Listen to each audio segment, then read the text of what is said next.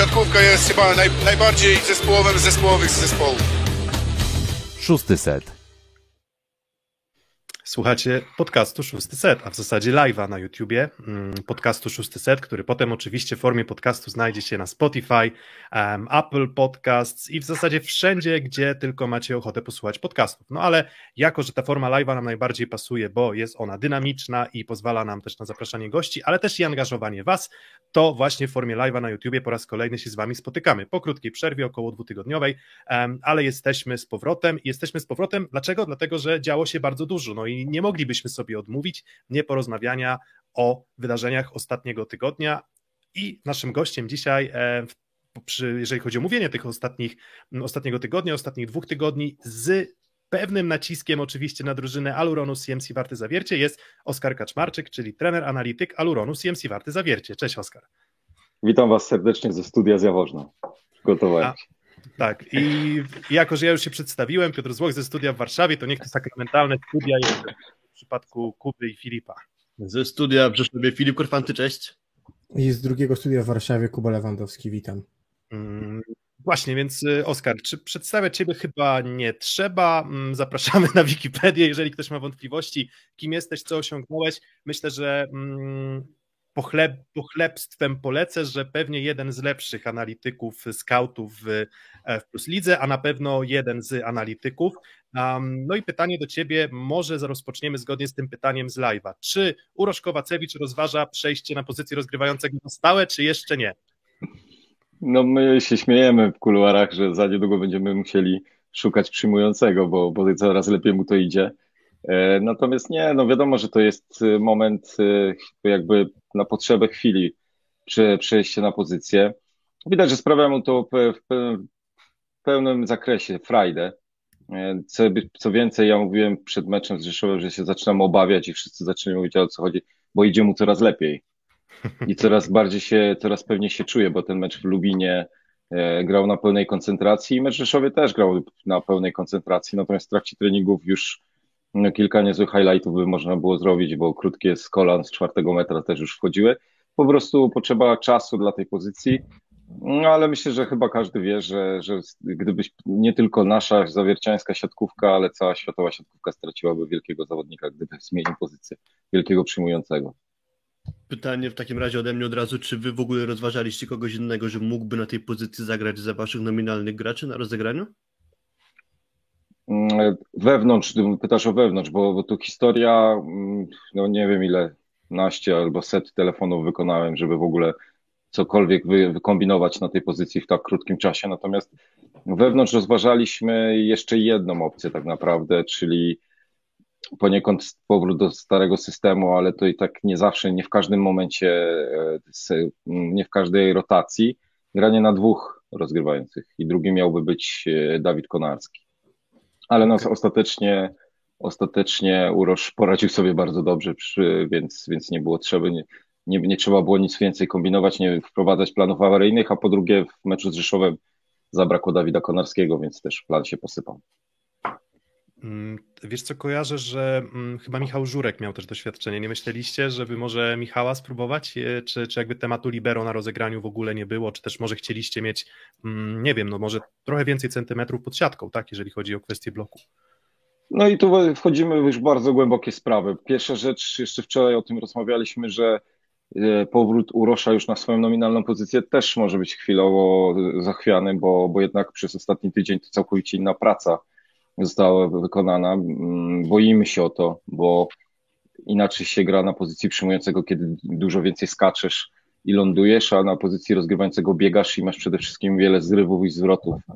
Mm, I tutaj też jakieś e, ryzyko kontuzji jest spore. E, I z Michałem Żurkiem, no myślę, że, że raczej to internet e, puścił taką wersję. Mm, I przede wszystkim, jeśli chodzi o to, to, to nie chodziło o jakość. Być może też można powiedzieć tak, Michał Żurek y, nie, nie byłby w bloku na pewno aktywny, ale tu chodzi o jego zdrowie. Jeżeli nie skaczesz przez x lat i nagle masz skakać przez cały mecz plus zrywy, zwroty, to, to może się źle skończyć. My, my tu musimy mieć chłodną głowę w całej tej sytuacji. E, Urosz y, jakby stał się naturalnie takim pierwszym kandydatem. Widzieliście czemu. E, natomiast, e, natomiast no po prostu każdy inny wariant, taki wychodzący poza ramy normalnej siatkówki, to jest jeszcze musi być przemyślany w formie takiej, czy to komuś nie, nie czy nie będziemy mieli następnego do, do szpitala. To czy przypadkiem z Krzysztofem Bieńkowskim nie było podobnej historii, że on jako zawodnik, który nie ma klubu, nie miał klubu wcześniej jeszcze, no to też pewnie był poza treningiem. Być może takie wczesne wrzucenie go na boisko już na mecz mogło też ewentualnie się dla niego niezbyt dobrze skończyć, jeśli chodzi o problemy zdrowotne chyba. Każdy sezon ma te same historie, czyli patrzysz na najbliższy mecz, ale musisz patrzeć szerzej, co się wydarzy za tydzień, dwa czy pięć. No, dla nas ten mecz, wiadomo, wczorajszy z Resowią, Przeszowie był bardzo ważny, bo chodziło o wejście do Final Four Pucharu Polski, ale, ale my, problem z Miguelem mamy trochę głębszy i, i Kuba, e, Boże, i Krzysiek będzie musiał nam pomagać jeszcze przez dłuższy okres, a, a prawda jest taka, że 23 listopada, jak nam napisał, ostatni raz był na treningu siatkarskim, nie jest w formie fizycznej odpowiedniej do tego i też nie, tak jakby jakościowo też potrzebuje czasu. No, rozmawiamy o tym, że, mm, że rozegranie, mm, czyli będziemy o tym pewnie rozmawiać, że rozegranie to jest jakość i precyzja, a jak przez trzy miesiące siedzisz na kanapie i, i, i Krzysiek tak naprawdę mm, miał tam jakieś pojedyncze takie dla przy, takie sesje na siłowni, gdzie, gdzie raczej podtrzymania wręcz bardziej hobbystycznie chodził niż, niż był przygotowywany, no potrzebuje czasu, czasu. My, my mu ten czas dajemy i, i po prostu będziemy na niego liczyć w dalszej części sezonu. Mm, a Kuba, jesteś wyciszony, a zacząłeś coś mówić, więc e, myślę, tak, że e, musisz dołączyć. się wyłączyć. Rozumiem, że przeszukaliście wszystkie możliwe opcje tak naprawdę przed e, wyborem Uroszen rozgrywającego. Mógłbyś troszeczkę zdradzić, jakby jak to wyglądało na osi czasu, ile mieliście czasu na, na decyzję, że to będzie Urosz? Jeszcze ja tylko dodam pytanie, tak rozszerzę, czy e, dzwoniliście do Pawła Zagumnego? Dzwoniłem. Dzwoniłem i okazało się, że nie byłem pierwszy w tym sezonie, więc, y, więc to jest naprawdę ciekawe i, i mogę zdradzić, że to już w formie szaleństwa, gdzieś myślę, że zmęczenia i, i po prostu chwytania się wszystkich opcji. Nawet rozmawiałem z Grześkiem Pilarzem, który, który skomentował, chyba jesteś głupi, 6 lat nie gram w siatkówkę, więc e, no, no, Problem, problem polegał jeszcze na tym, że to wszystko się wydarzyło w okresie, kiedy zamykany był okres transferowy. Okienko transferowe 31 stycznia zostało, zatrzy, e, zostało zamykane nie tylko u nas i, i na przykład transfer zagraniczny nie wchodził w grę z prostej przyczyny, czyli przewalotowanie i wysłanie międzynarodowego przelewu do danej federacji, gdzie, gdzie zdążylibyśmy po prostu czasowo z mm, otrzymaniem certyfikatu i zatwierdzeniem go w, w, w Polskim Związku Piłki Siatkowej. Okay, czyli trochę jak historia e, Grosickiego, który tam kilka razy w piłce nożnej miał się przedostać w tym ostatnim dniu okienka transferowego, a się nie udało, więc tutaj po prostu mogłoby się nie udać, tak? Tak, no wiecie, widzimy to gdzieś tak na ekranach jakichś seriali, filmów, jak wyglądają te ostatnie godziny okienek transferowych, nie wiem, czy w Premier League w angielskiej, gdzie tam po prostu szykują się ci generalni menadżerowie do tego, żeby tą ostatnią noc szaleć, no to tak to wyglądało. Telefony, wymiany wiadomości, szukanie. Pojawiały się opcje i pojawiały się opcje, tylko że e, problem polega na tym, to jest problem systemu i, i tu jest też, myślę, że chciałbym o tym trochę za chwilę porozmawiać, że trochę nasza dyscyplina się nie broni w, w obecnych czasach, ale pojawiały się na przykład historie pod tytułem tak, dany zawodnik E, nie chcę podawać jakichś tam namiarów, ale jest w klubie, który się rozpada, który, e, który nie płaci, który jest do, wyjścia, do wyjęcia już dzisiaj i on może się pojawić u nas. Zagraniczny, żeby była jasność, bo e, żeby nie było, że znowu gdzieś w Polsce coś się dzieje. I on może przyjechać do nas w każdej chwili, tylko że my nie trafiliśmy na w danym, w tamtym okresie w ogóle określić, na ile potrzebujemy tego rozgrywającego. Czy to jest jeden mecz, tydzień, 10 dni czy 5 miesięcy?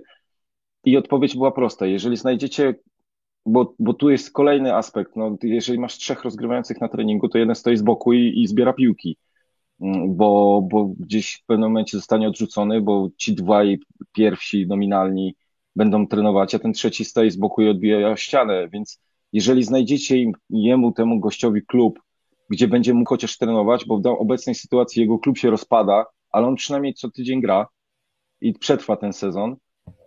To takie historie tutaj się działy i, i gdzieś znaleźliśmy możliwości prawne tego, żeby wypożyczyć, podpisać kogoś e, na tydzień, ale już nie było powrotu, bo się zamykało okienka transferowe. No i tak dalej, i tak dalej. Więc e, równolegle z historią pod tytułem, co możemy zrobić z historią pod, e, braku dwóch rozgrywających, nie covidowych, musieliśmy podjąć decyzję, kto będzie w ogóle łatał tą dziurę. Próbowaliśmy przełożyć te spotkania, co też trwało sporo czasu.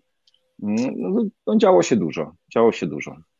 Mm, wiesz co, od razu się nasuwa pytanie o no, stan zdrowia obu rozgrywających tych nominalnych, czyli Maxi i Miguel. Coś tam zacząłeś wspominać, czy rzuciłeś, że, mm, że te problemy mogą się przedłużyć, tak? Czy jak wygląda perspektywa powrotu któregokolwiek z nich na boisko do treningów?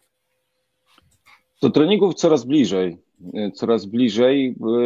Dzisiaj jest środa, czwartek, przepraszam. Nie wiemy jeszcze, czy, czy na pewno będziemy w stanie wyjść z jednym rozgrywającym, tym wcześniejszym e, na boisko, ale szanse są. Szanse są, to już kwestia godzin. Natomiast e, dalej nie jest to stuprocentowa pewność. A, a, a zdradziłbyś nam, dlaczego nie mogliście dołączyć żadnego z juniorów? Tak, właśnie, właśnie to też, to też się często, często się to pojawiało, więc dobrze byłoby wyjaśnić ten temat, bo, bo, bo współpracujecie przecież z, um, szkółką w Kielcach, jeśli dobrze kojarzę. Tak, mamy założoną Akademię Siatkarską Wybicki Kielce.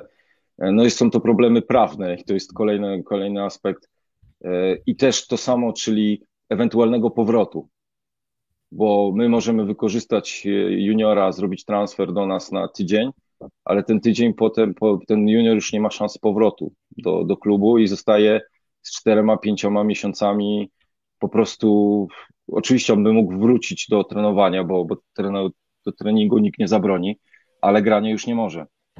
To są takie historie.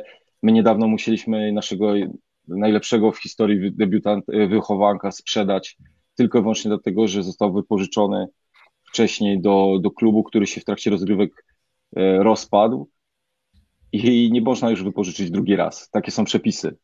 Te, te przepisy ewidentnie w moim przekonaniu powinny zostać zmodyfikowane do bardziej racjonalnych, e, racjonalnych takich torów, bo, bo my musieliśmy po prostu oddać zawodnika tylko i wyłącznie dlatego, żeby nie, nie stracił czterech czy pięciu miesięcy, miesięcy sezonu. I tak samo było z juniorami.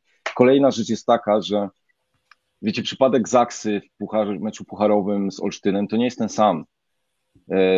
My mamy na przykład, dopiero rozwijamy naszą, naszą akademię w Kielcach i, i mamy powody, bo to są też powody terytori terytorialne. My jesteśmy klubem ze Śląska, Kielce to jest województwo świętokrzyskie, tu też są problemy i gdzieś zarzucano, dlaczego taki, w taki sposób. Po pierwsze, a na Śląsku jest już bardzo duża konkurencja, tak? Mamy bardzo mocną Akademię Jastrzębskiego Węgla, są naprawdę, jest kilka naprawdę dobrych ośrodków, więc nie było sensu w, w, rozpo, rozpoczynać tego projektu w miejscu, gdzie już większość klubów jest bardzo ugruntowana, bardzo mocno ma pozycję i to ona pozyskuje tych najlepszych juniorów. Zrobienie, zrobienie akademii w zawierciu jako stricte lokalnej powoduje, że ograniczasz się tylko do danej grupy młodzieży, młodzieży w danym rejonie, ale ja nie wiem, nie znam, nie, szczelę trochę, ale stawiam, że na 200 młodych zawodników jeden trafia na poziom plus ligi. Ten taki proces selekcyjny, może 300. A tych 300 na, tam gdzieś na, na terenie Jury będzie bardzo ciężko znaleźć i to jeszcze, żeby to pokładać rocznikowo, żeby miało sens, więc musimy zbudować akademię. A jeżeli chodzi o akademię, to też to są kwestie logistyczne. W niektórych gminach ktoś, władze gminy są zakochane w siatkówce i powiedzą fajnie, zapraszamy, no ale my nie mamy bursy. E, zapraszamy, ale hala to jest tylko w takich godzinach. A to ma być projekt poważny. No i trafiłeś Kielce, gdzie, zawod... gdzie nasi chłopcy mają naprawdę kapitalne warunki. Jest to szkoła mistrzostwa sportowego prowadzona naprawdę od wielu lat na bardzo wysokim poziomie, z bardzo dobrym kształceniem, bo to też trzeba przekonać rodziców, że oprócz tego, że my będziemy pracować nad tym, nad ich karierami sportowymi, to jest to okres, w którym trzeba też wykształcić tych, tych chłopców, więc pojawił się taki, tak, taki, takie miejsce, gdzie my możemy to robić. i stopniowo rozwijamy i tam jest coraz lepiej. Tam raz w tygodniu trenuje trener Daszkiewicz. My to rozwijamy, ale na samym końcu, bo do tego zmierzam, że wspomniałem o tej Akademii e, Talentów Jastrzębskiego Węgla, ale kiedy w Jastrzębskim Węglu e, dwóch środkowych się z- doznało kontuzji, to nie wyciągnięto ze swojej akademii, tylko ściągano, ściągnięto Bartka Cydzyńskiego, bo różnica poziomów, no wyobrażacie sobie 15 czy 16-letniego juniora, który 3 lata trenuje, nazwijmy to profesjonalnie siatkówkę i wychodzi wczoraj w meczu na ćwierćfinałowym z Rzeszowem I ma wystawić piłkę Uroszowi. i ma Właśnie, wystawić bo- Quicka, Tak, bo Quicka Facundo, bo Urosz to, Urosz to jeszcze sobie tam z, z różnych piłek różnie radzi, ale Facundo to chodzi na quicki, takie naprawdę quicki. Chociaż wczoraj na piłkę. tak kapkę za wysoko dostawał te piłki. ale, ale, ale czasem wychodziło, no może nie zawsze, ale czasem wychodziło. A jeżeli pozwolicie, to bo dużo tutaj mówisz o, ogólnych problemach prawno-organizacyjnych i mam takie pytanie, przecież w siatkówce są pieniądze, zawodnicy dostają bardzo dobre wynagrodzenia. Z czego wynika taki ogólny poziom dziadostwa organizacyjnego? Czy to wynika z tego, że nie ma jakby Oj, poważnie. tego? Nie, no bo to jest dla mnie jakby, no ja, ja, ja, ja mam takie przekonanie, że kwestie organizacyjne, akurat miejsce, w którym współpracowałem kiedyś, pomagało PZPN-owi poukładać całą politykę podróży służbowych i całą tą procedurę sędziów. Zastanawiam się, dlaczego w siatkówce nikt nie sięga po taki krok, który unormuje to wszystko do dzisiejszych standardów, do bardzo dynamicznego świata, do kontaktów międzyświatowych. No zastanawiam się, z czego to wynika. Za- Zaraz ci odpowiem, natomiast widzę tutaj komentarz. Tak, e, nie, Zawiercie nie jest na Śląsku, tylko na Zagłębiu. Chodziło mi o województwo śląskie, Mm. więc... Tak, e, właśnie dlatego już w, w obronie się rzuciłem twojej, żeby tam, wiesz, bo, nie, bo to... żebyś nie został, wiesz, skreślony przypadkiem. No, no, dokładnie. Zagłębiu. Tym bardziej, że to, to była mapa na ścianie. Dokładnie. No, a jeśli chodzi o do, do dziadostwa, o Jezu, to my musimy wchodzić naprawdę, no, mamy kulturę sukcesu, tak, czyli, czyli za wszelką cenę nie patrzy się szeroko. Ja jestem właśnie z tych, którzy, którzy bardzo często nie patrzą na tu i teraz, tylko patrzą generalnie. To już wspomniałem o tym, że mm, siatkówka jako sport, jako dyscyplina przegrywa w obecnych czasach, bo nie jest przygotowana do, takiego, do takiej sytuacji. To nie chodzi o polskie realia, tylko jako dyscyplina. Patrzę zawsze szerzej. Co możemy poprawić, żeby się nie działo coś takiego jak, bo my fajnie podchodzimy do tematu, bo Grebennikow zagrał na przyjęciu, albo Klewenow zagrał na środku. I to jest podbijanie lajków, podbijanie, ale to jest, to jest porażka dyscypliny, systemu dyscypliny. I wracając do, do dziadostwa, no to nie jest pytanie do mnie. No my, my jeśli chodzi o, o klub Aluron CMC, e, jesteśmy wciąż młodym klubem na, na mapie siatkarskiej i myślę, że z, ja jestem jeszcze wciąż świeżakiem w tym klubie, ale z ręką na sercu powiem, że my chyba się wstydzić nie musimy. Z każdym rokiem staramy się rozwijać ten klub. Mamy bardzo duże pole jeszcze do rozwoju. Sytuacja, która się wydarzyła w e, ostatnim tygodniu też daje mocno do myślenia, czyli przygotowanie też jakiegoś backupu, mm, backupu w postaci, nie wiem, drugiej drużyny i tutaj na pewno będziemy na ten temat rozmawiać, ale tu są też problemy właśnie stricte przepisowe. Przepisy często utrudniają sprawy przenoszenia zawodników z miejsca na miejsce. Patrzymy na tu i teraz, Ku- Kuba, odpowiadając na twoje dziadostwo. Tu i teraz, nie patrzymy na to, co jest za 10, co będzie za 10 lat. Bo ja też się odniosę może do tego, że tutaj piszą w komentarzach nam słuchacze, że e, nie ma wielkich pieniędzy. Okej, tylko często te zmiany strukturalne nie wymagają tak dużych środków, tak? To często jest bardziej kwestia zaplanowania, zabudżetowania jakiejś części na inwestycje różnego rodzaju strukturalne, organizacyjne, żeby, żeby to w dłuższej perspektywie lepiej pracowało, tak? Natomiast pewnie to jest kwestia patrzenia na ten dzisiejszy moment konkretny i tyle. Wiesz, no ja bym tu poruszył temat ekwiwalentów, o których jest bardzo duża batalia. E, gdzie są strony, jedna strona mówi, że, że ten ekwi- ekwiwalent jest dobry, e, a druga, druga podnosi głos, że to zabija budżety klubów. Ja jestem zdania, że to właśnie tu powinniśmy zacząć, skoro nie, my nie mamy pieniędzy i nigdy nie będziemy mieli pieniędzy, o których się myśli, że są w, w siatkówce. To są coraz lepsze pieniądze, ale do tych wielkich sportów to dalej jest, jest daleko. I my jesteśmy dumni z tego, że mamy bardzo dużo zawodników na światowym poziomie, a później ja spotykam kolegę drugiego czy trzeciego trenera w grupie młodzieżowej i on mówi, że on to robi za 400 zł. I jeszcze klub mu nie płaci. Gdzieś tutaj, już w w, tej, w tych realiach powinniśmy się zastanowić. Ja, ja wiem, ja mam jakieś tam pomysł, swoje pomysły na to, żeby ten przepływ gotówki, który już mamy, żeby powodował pracę u podstaw. My, my zapominamy o, o podstawach e, i to, i to wracamy do tego, co powiedziałem też o, o tych choćby logistycznych problemach założenia Akademii Siatkarskiej pod klubem w Plus Lidze. To, to, to są naprawdę ciężkie sprawy, godziny rozmów i przychylność władcy często. A później się okazuje, że, że tak, wszystko fajnie, no ale musicie, musielibyście wybudować hotel, tak? No to nie są te pieniądze.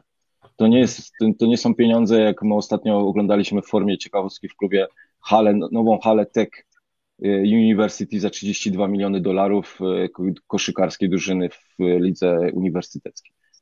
No to dalej, dalej jesteśmy daleko. Tutaj jesteśmy daleko.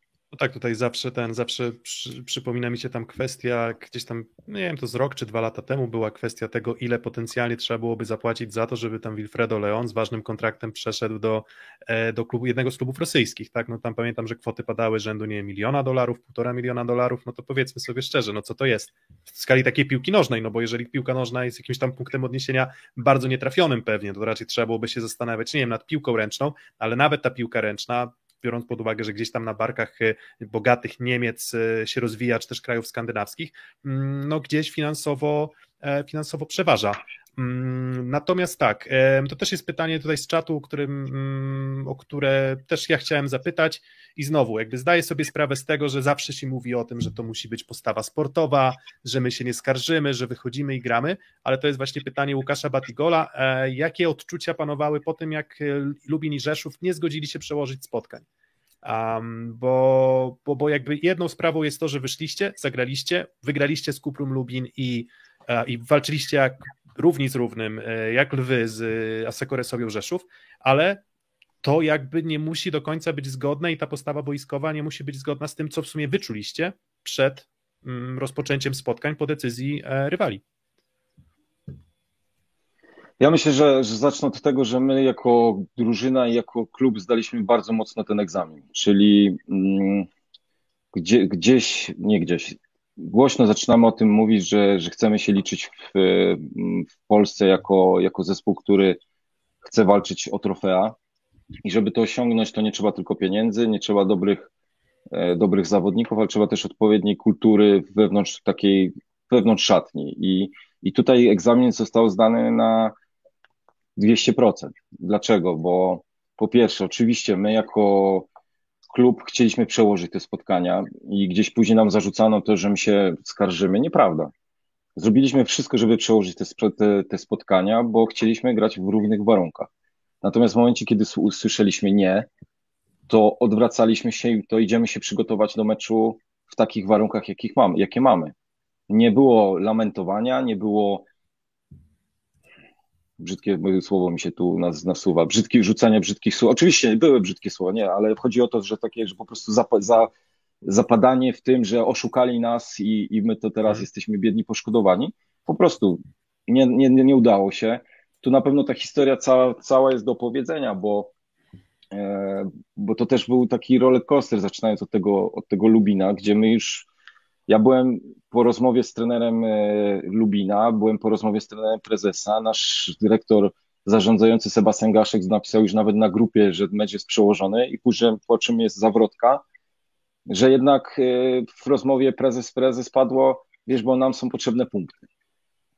I tego, i, i gdzieś oficjalną drogą. Jeden pasz, jest. Jeden jest. Jeden jest. Ale jakim e... Natomiast oficjalnie zostawało to, jak było przekazywane, że bilety są sprzedane, ale, ale no, już, już nie dotykajmy, bo myśmy chyba najlepiej odpowiedzieli na to wszystko, wygrywając w tym Lubinie.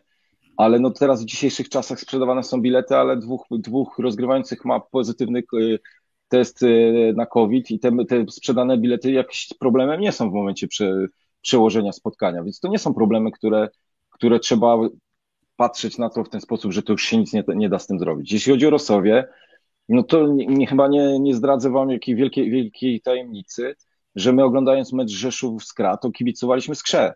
I nie dlatego, że wybraliśmy sobie przeciwnika, bo wiedzieliśmy, że w tym ćwierćfinale Pucharu Polski tak czy siak trudny traf, trafiona nazywa, ale kibicowaliśmy skrze, bo wiedzieliśmy, że ten mecz ze Skrom będzie o tydzień później, czyli daje nam szansę na granie z rozgrywającym.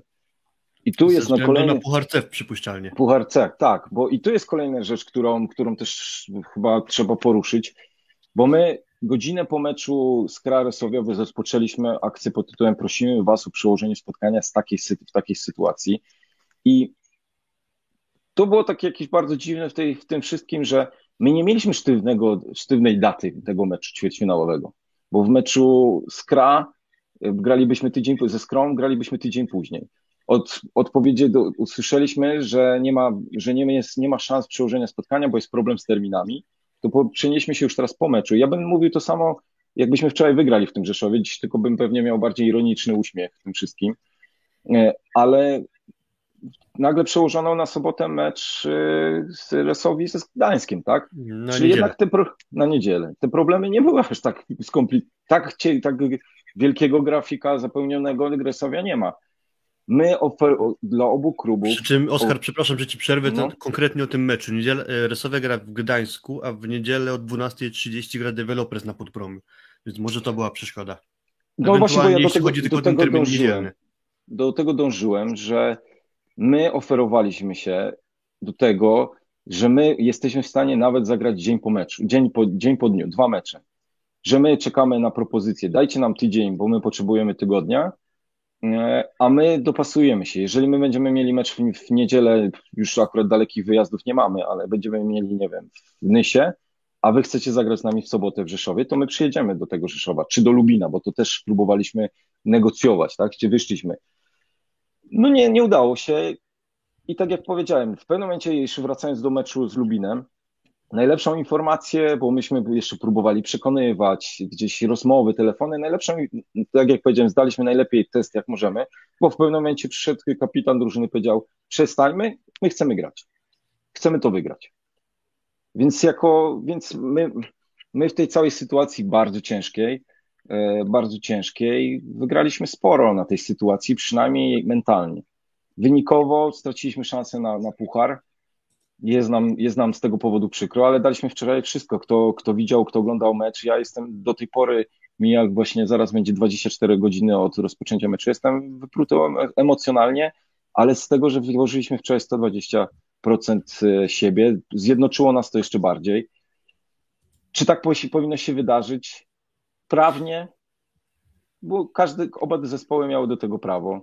Tu trzeba się za- za- zastanowić nad tym sensem tego, bo, bo tu są strasznie niejasne. e, Jakby, no nie, no jasne są, ale tak, jeżeli w drużynie jest dwóch chorych na, na COVID rozgrywających, to mecz jest od razu Mhm. anulowany, ale jak jest dwóch, powiedzmy, kontuzjowanych, a w naszym przypadku jeden rozgrywający jest chory, a drugi jest kontuzjowany, to tutaj my nie mamy żadnego prawa, mm, żeby przełożyć to spotkanie.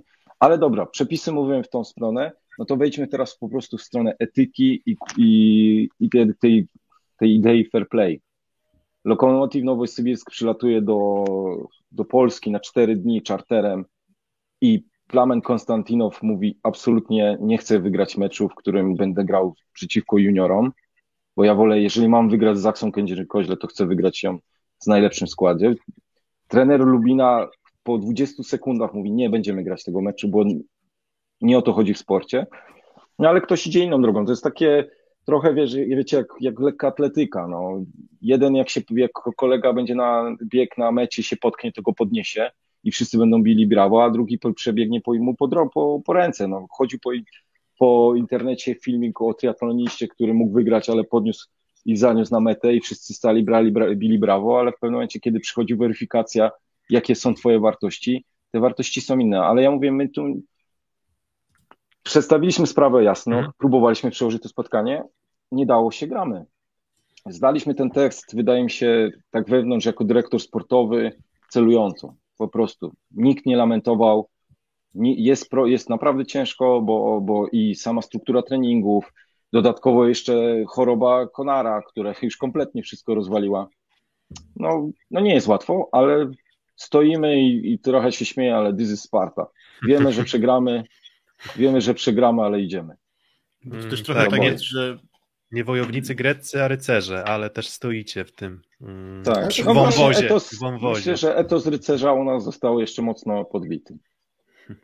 E, bo to de facto pewnie nie każdy może w ten sposób myśli, ale to nie jest tak, że wygraliście bez dwóch rozgrywających i bez Konara, ale de facto bez podstawowego przyjmującego.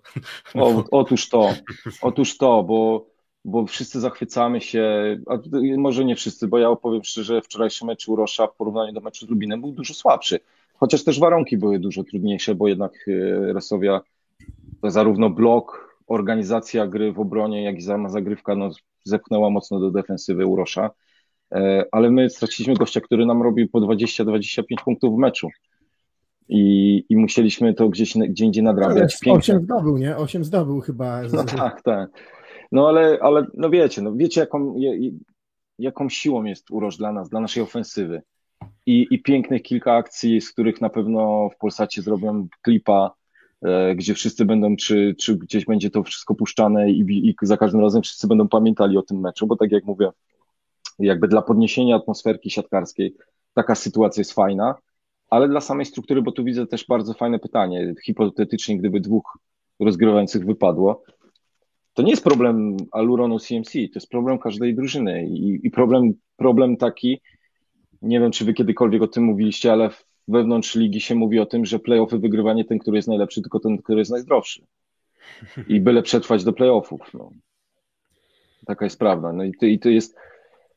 Ja dużo, dużo mówię o, o NHL i wiem, że wielu ludzi mówi o mnie, że odpływam, ale nam brakuje jakichś taksi składów takich, w których my, zawodnicy mogą podróżować tam z powrotem, bo a, część po prostu jest uziemiona e, i, i jest czwartym przyjmującym i nie wchodzi na boisko, e, a, a w sytuacjach, w których naprawdę potrzebujesz kogoś do, no bo tak jak mówiłem, no jeżeli podpiszesz, bo, bo można by zarzucić, no to dlaczego kluby nie podpisują, nie zabezpieczają się i nie podpisują trzech, czterech rozgrywających?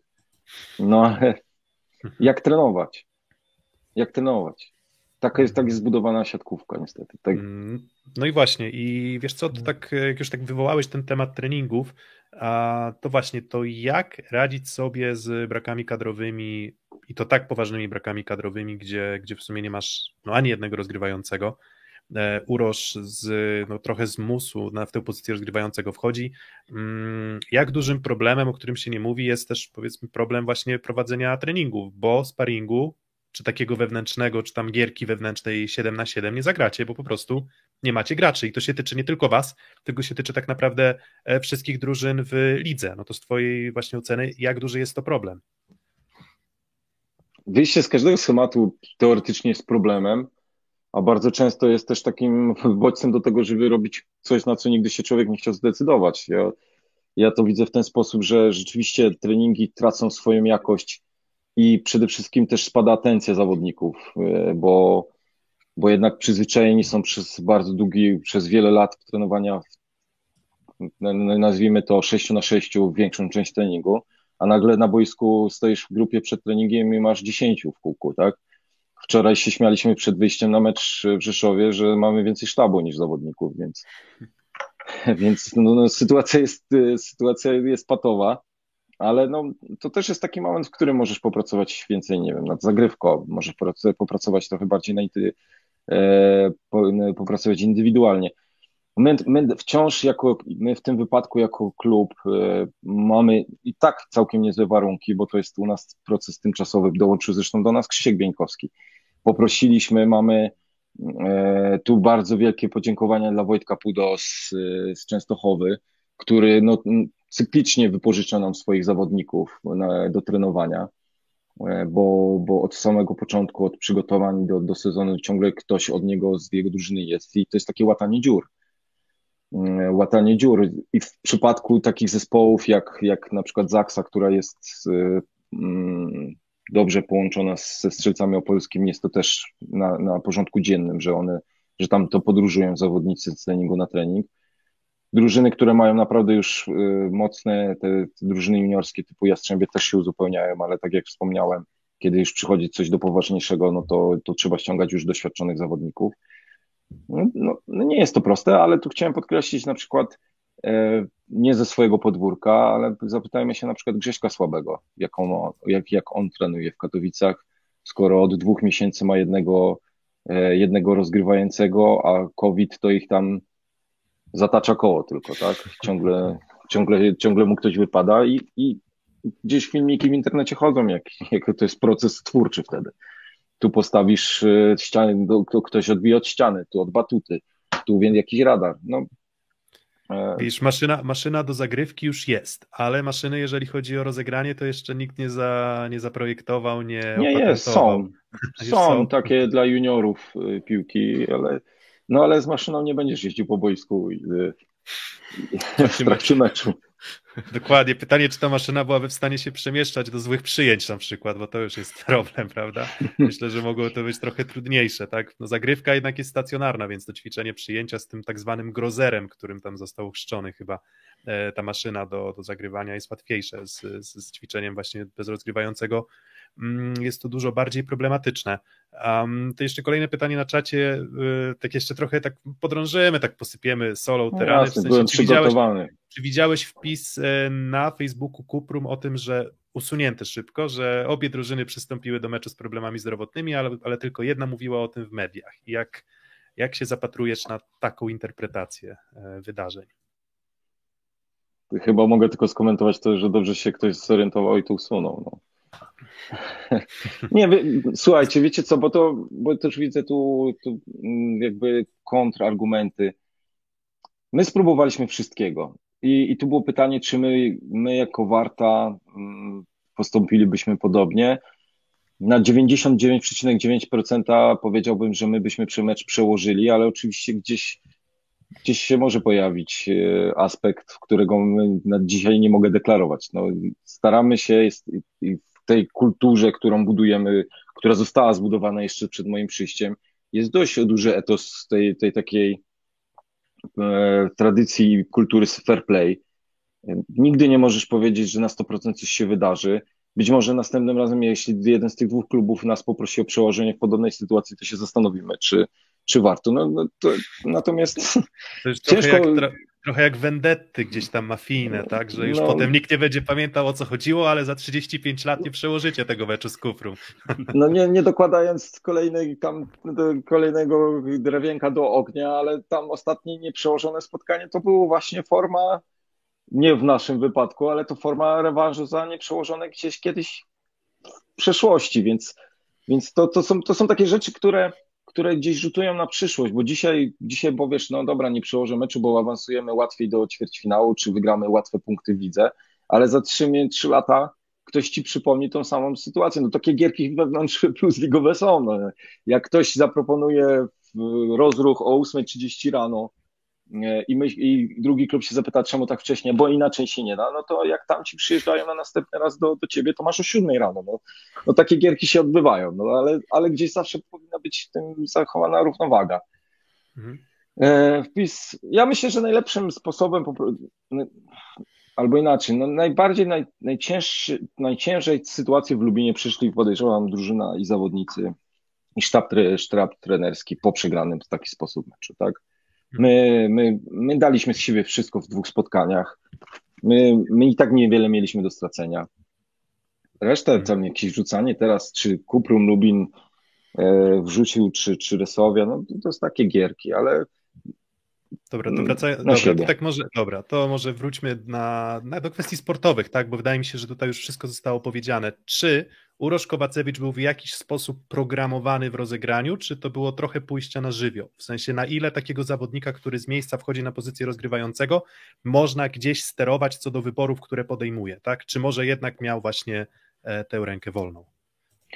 No, no, zwykle, zwykle na tych gameplanach i przede wszystkim zawodnicy rozgrywający ode mnie zawsze dostają montaże e, jeszcze przed na kilka dni przed meczem, żeby każdy z, każdy z nich sobie obejrzał o co chodzi i gdzieś dyskutujemy. No tutaj w tym wypadku e, czy tam są informacje pod tytułem kto jak się zachowuje w bloku, co można z czego korzystać czy nie. Tym razem w tych dwóch gameplanach tego nie było, bo, bo jakby e, no nie, nie wkładajmy za dużo do głowy Uroszowi. Nie? nie? On tak się musiał skupić na tym, żeby ta piłka była, e, mm, była naj, najlep, najbardziej optymalna z, z tego, co mógł zagrać. W trakcie meczu w Rzeszowie jakieś tam dyrektywy od Igora wiem, że padły. Natomiast no, tu nie można było wchodzić w zaawansowaną technikę, taktykę. Zresztą bardzo widać to było wczoraj w meczu z Resowia przepraszam, taktycznie nas w pewnym momencie zaczęła zjadać. A powiedz, y, jakby było zaplanowane, to trenowaliście te nagrania na siatkę dla Urosza do ataku z drugiej piłki? Bo, bo po Bartku Neroju już mało kto tak atakował z rozgrywających w lidze, a myślę, że to może powrócić trochę dla leworęcznych rozgrywających. No bo A na, pew- a na pewno nie tak często. Na pewno nie tak często. pewno, ale kilka chyba z tych zagrań było myślnych, takich przyjęć bardzo mocno na siatkę, tak mi się wydaje przynajmniej. Było to trenowane, oczywiście. No, no Urosz kocha atakować z każdej pozycji na boisku i, naprawdę widziałem już punkty zdobyte z ósmego metra. Więc, więc wiadomo, że Urosz, zanim pomyśli, gdzie wystawi, to zastanawia się, czy zaatakować. Natomiast no to też nie, to nie, słuchajcie, no to są, jest tydzień czasu, w którym mieliśmy dwa mecze, no to nie jest tak, że, że nagle budujesz całą ofensywę w oparciu na to, co masz. No to były treningi, w których raczej było skupienie na tym, żeby, mm, żeby po prostu y, Urosz się czuł, czuł jak najbardziej pewnie w tej pozycji. No, na przykład widać było postęp w samym rozegraniu pipa w meczu z Lubinem, a w meczu z Rzeszowem. I to było widać na No treningach, że on skar... Proszę? Środka też, myślę. Tak, tak, no oczywiście, oczywiście. Chociaż my mecz w Lubinie zaczęliśmy bardzo dobrze na środku, bo, bo to było właśnie jakby, to jest też to ciekawe, że, że, ten, że w te dwa pierwsze sety Kuprumu to było widać, jak oni sobie nie radzą z, z ciężarem tego spotkania. Przebijali nam po prostu tą piłkę na drugą stronę, więc my mieliśmy bardzo dobre przyjęcie i Urosz sobie mógł naprawdę porozgrywać. No i właśnie Dopiero- też, no i, widzisz, no i mimo wszystko wydaje się, że gdy masz rozgrywającego, który wchodzi tak znikąd, e, z innej pozycji, to środek raczej jest ostatnim elementem, czy pipy, czy środek to byłyby ostatnie elementy, o które bym podejrzewał. Jednak, ra, raczej bym powiedział, że takie proste granie lewe-prawe to byłoby coś, czego się spodziewałem, a to Uroż właśnie e, uzupełniał to też e, pierwszym tempem. Wiecie, ja, ja byłem bardzo marnym rozgrywającym, ale uważam, że, że zawsze na lewe to jest najtrudniej wystawić. I to, I to lewe bardzo często, bardzo często weryfikuje, który rozgrywający jest dobry, a który nie. I wydaje mi się, że przynajmniej pierwsze tempo jest jednak tą najłatwiejszą, o, ile umiesz biegać. A Urosz sobie naprawdę radził na nogach, bo, bo odbicie palcami było naprawdę niezłe, jest naprawdę niezłe. Urosz ma świetne odbicie palcami, natomiast on sobie dobrze radził na nogach, bo bo i co innego jest, jak ci trener dorzuca 20 razy pod siatkę i ty sobie wystawiasz lewo-prawo, ale jak już musisz 2,5 metra z- zmienić yy, mm, bieg, no to, to się zaczynają schody. I on sobie z tego radzi, dlatego ja myślę, że pierwsze tempo jest dużo łatwiejsze niż pipe. Mhm. A w naszym przypadku też, yy, to, to choć, bo w drugim meczu nie było Konara, ale fantastycznie sobie radził z piłką do Konara, bo Konar atakuje bardzo szybkie te piłki one były wolniejsze od tego, co, co jak gra na przykład Miguel z Konarem, no ale Miguel z Konarem to dwa miesiące te piłki trenowali, żeby, te, że to, żeby to grało tak, żeby to było automatyczne. A Urosz w zasadzie w dwa dni potrafił to robić, więc, więc no, czapki z głów. Jak y, Twoim zdaniem wygląda trudność przejścia z innej pozycji na rozegranie względem na inną pozycję? Czy jest w ogóle jakieś trudniejsze e, przejście, na przykład z atakującego na przyjmującego albo z atakującego na libero? Czy, czy to na rozegraniu właśnie najtrudniej się przedstawić? No nie, chyba nie znalazłem trudniejszej pozycji. Bo, bo jednak, znaczy ogólnie bardzo często trenerzy, znaczy nie bardzo często, są to trenerzy, którzy lubią zmieniać pozycję i to krótko, na, na jakiś krótki okres innym zawodnikom, bo, bo to zmienia proces myślenia, tak? Im, im, Im bardziej musisz wyjść poza strefę komfortu, tym łatwiej się uczysz pewnych rzeczy i, i ja znam trenerów, którzy nawet w takiej formie zabawowej część treningu 6 na 6 zmieniają wszystkim pozycję, żebyś ty zaczął inaczej myśleć. Bo w pewnym momencie jesteś, e, wchodzisz w automatyzmy i po prostu nogi za ciebie chodzą, e, ręce za ciebie wykonują działania. I, i takie zmiany, zmiany pozycji po prostu powodują, że ty się musisz na nowo uczyć siatkówki. To Więc proces- To się śmieję, że przyrównam to do ten, korporacje też już, to znaczy, czy generalnie w pracy biurowej takie mądre firmy Tak. też już to rozpoznają, że rotacja pomaga, tak? Jakby nie możesz się zasiedzieć na jakimś stanowisku, bo Dokładnie tak. potrzebujesz stymulacji, tak?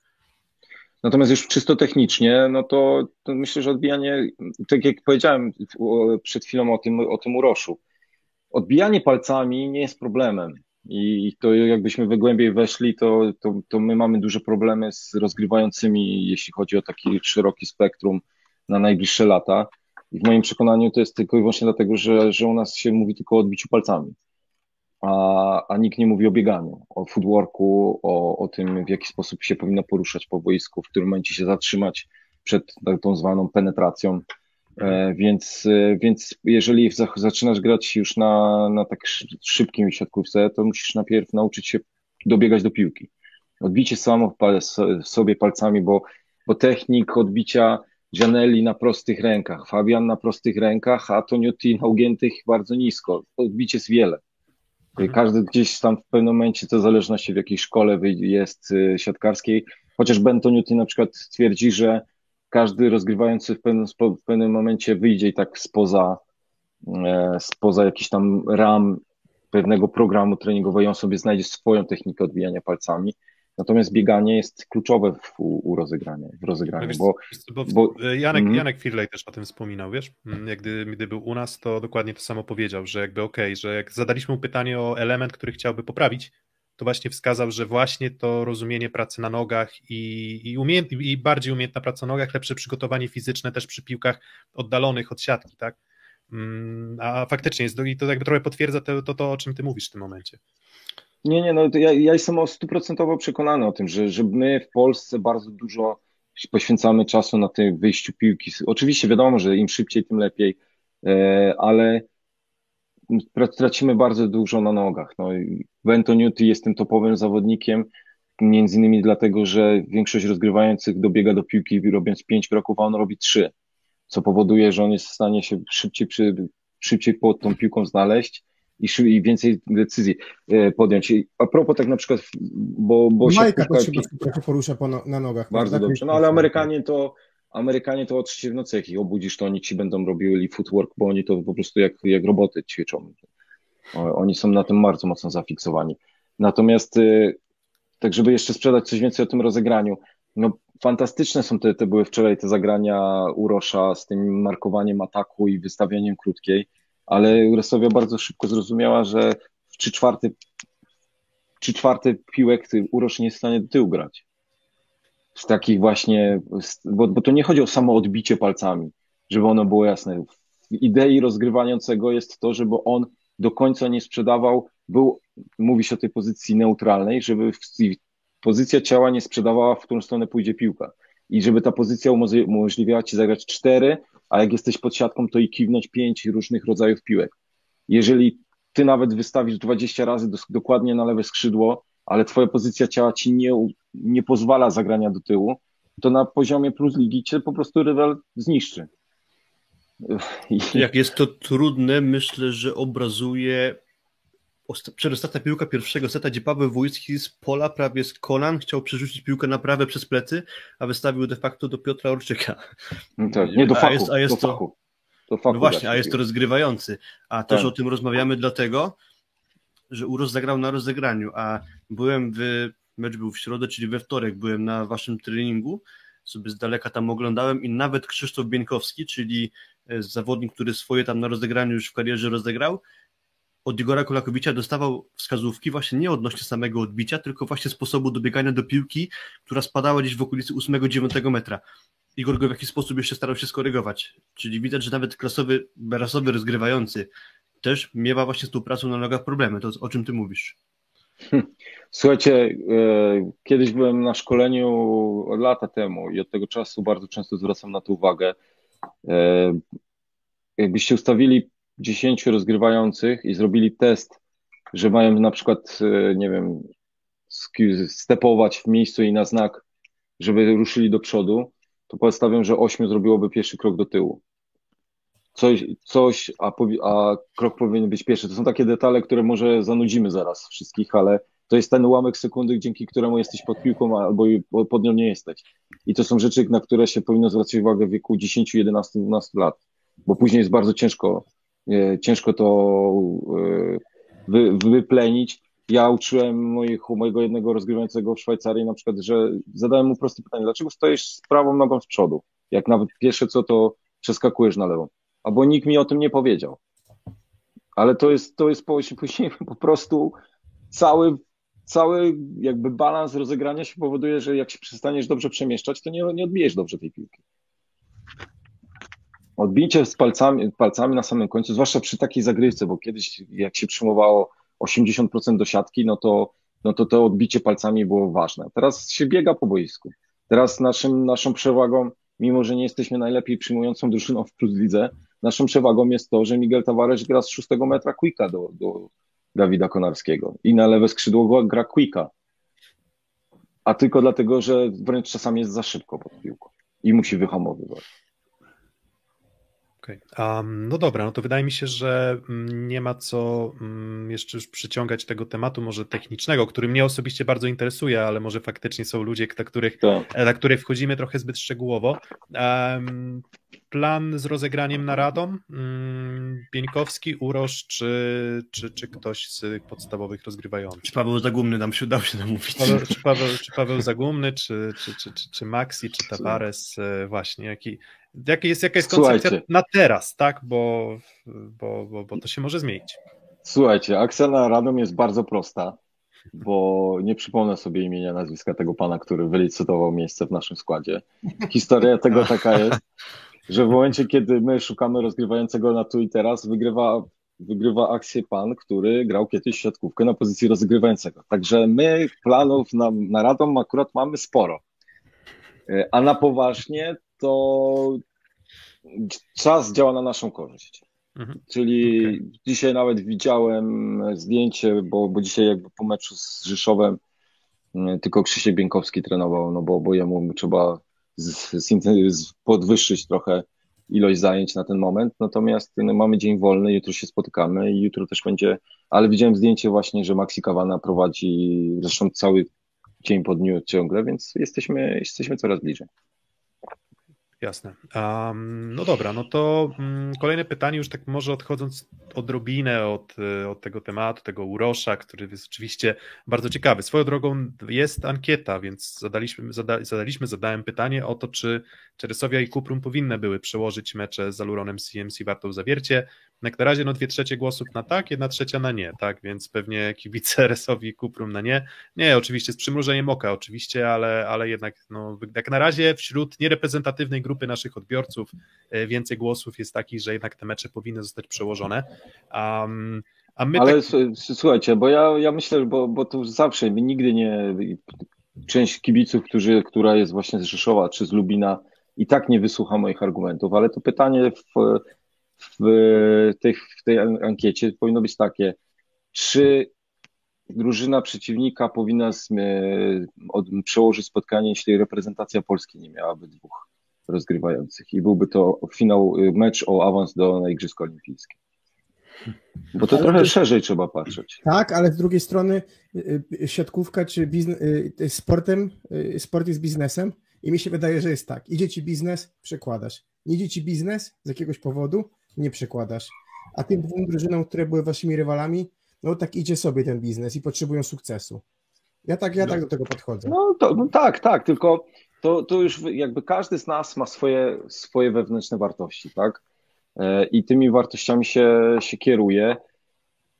Krótkoterminowe rozwiązania, bo to o tym powiedziałeś, Kuba, są, e, są po prostu na krótkie, działają na, na chwilę. Gdzieś to się później może odwrócić. Nie wiem, no już powiedzieliśmy wszystko. Znaczy, bo tak w ogóle to jakby rozmawiamy z tobą jako osobą e, z Aluronu CMC Warte Zawiercia, nie rozmawialiśmy w ogóle na temat ewentualnych argumentów dla Sekoresowi, dlaczego ona nie chciała się zgodzić na przełożenie tego spotkania, więc ten nasz wydźwięk całej tej Mhm. rozmowy jest taki, że cały czas jesteśmy w temacie Zawiercia, a nie rozmawiamy w ogóle o sytuacji Resowi. E, Mówimy teraz o wartościach. Jasne, ja się z tym zgadzam, że, że te wartości warto mieć, ale na przykład sezon temu e, Developers miał te wartości, po czym gdy mecz był przełożony, to w terminie tego spotkania COVID złapał Developers i Developers już nie miał szansy zagrania tego meczu, tylko został zdyskwalifikowany lub do, przegrał walkowerem i nie mógł awansować do meczu o finał Superpucharu. Ja w ogóle mam też takie myślenie, że mm, Kuprum Lubin jest w innej sytuacji niż Jaseko Resowia, dlatego że dla Kuprum jest dłuższy dystans na odrobienie tego spotkania, a Resowia ma czas de facto do 26 lutego na, na ewentualne znalezienie terminu na zagranie właśnie z zawierciem, a nie wiadomo, czy za tydzień Resowia z kolei nie padnie ofiarą COVID-u, więc to jakieś argumenty Resowia na pewno miała. Ale czy, gdy jeśli chodzi moje, się. jeśli chodzi tylko, muszę to dokończyć, o moje zdanie, to ja też ten mecz bym przeło- przełożył, ale staram się zrozumieć e, postępowania Sekoresowi. Poprawcie mnie, bo ja jestem tak y, ostatnio w innym świecie, jeśli chodzi o siatkarski, ale z tego co wiem, to chyba jeszcze nie znamy terminu y, jednego z ćwierćfinałów. Jeszcze nie znaleziono daty na Jastrzębie Warszawa. E, Oficjalnie nie, natomiast mówiło się, że chyba 23 czy 24. Tak, Ob, czyli zaraz przed pucharem. Hmm. czyli oba te ćwierćfinały niezagrane będą w tygodniu turnieju finałowego. To nie jest jeszcze oficjalnie, ale tak to prawdopodobnie będzie. I co jeśli na przykład projekt z, czy Jastrzębie złapie covid 23 czy 24 lutego? Hmm. Ale, ale my jesteśmy w tej samej sytuacji, bo, bo tak naprawdę my, my przychodzimy obok tego COVID-u, tak? Nas też to może złapać. Nie no, czasy są ciężkie. I Czasy są ciężkie i tu trzeba być naprawdę fleksyjnym.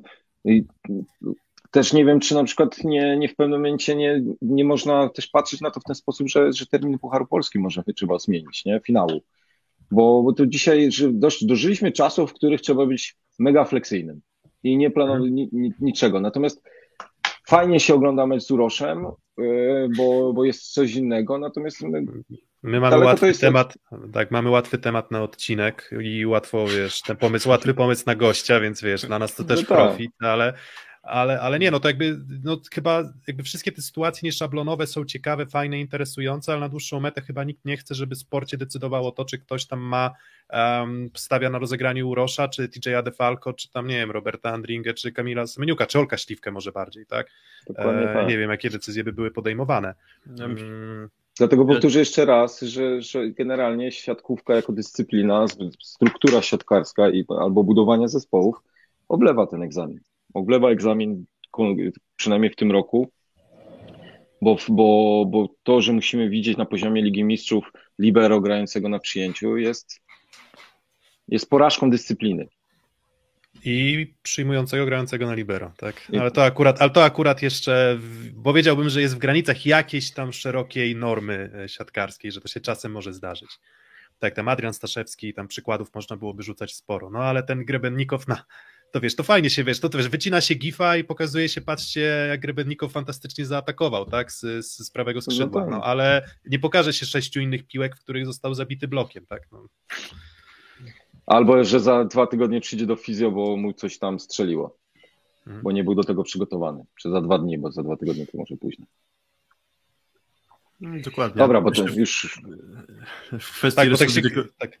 Dobra, mów, mów Filip i... W kwestii tylko jeszcze, no bo dalej. wracając do tych sprawy, powiedzmy, argumentacji ze strony Rosowi, no to wcześniej było tak, że Rosowia raczej się zgadzała na przekładanie spotkań, czyli tam też w komentarzu dopadło, to dwa przykłady mi się przypomniały, czyli zeszły sezon i mecz bodajże trzeciej kolejki z Treflem Gdańsk, gdzie Trefl wracał zaraz po covid i poprosił Rosowię o przełożenie tego spotkania, Rosowia się zgodziła i tak samo teraz myślę, że Rosowi było nie na rękę granie we wcześniejszym terminie z Jastrzębskim Węglem i też Rosowia się zgodziła na to, że ten mecz zostanie teraz zagrany. Mm, więc to, to nie jest tak, że Rosowia zawsze jakby rzuca rywalom kłody, kłody No. pod nogi, chce taką sytuację wykorzystać.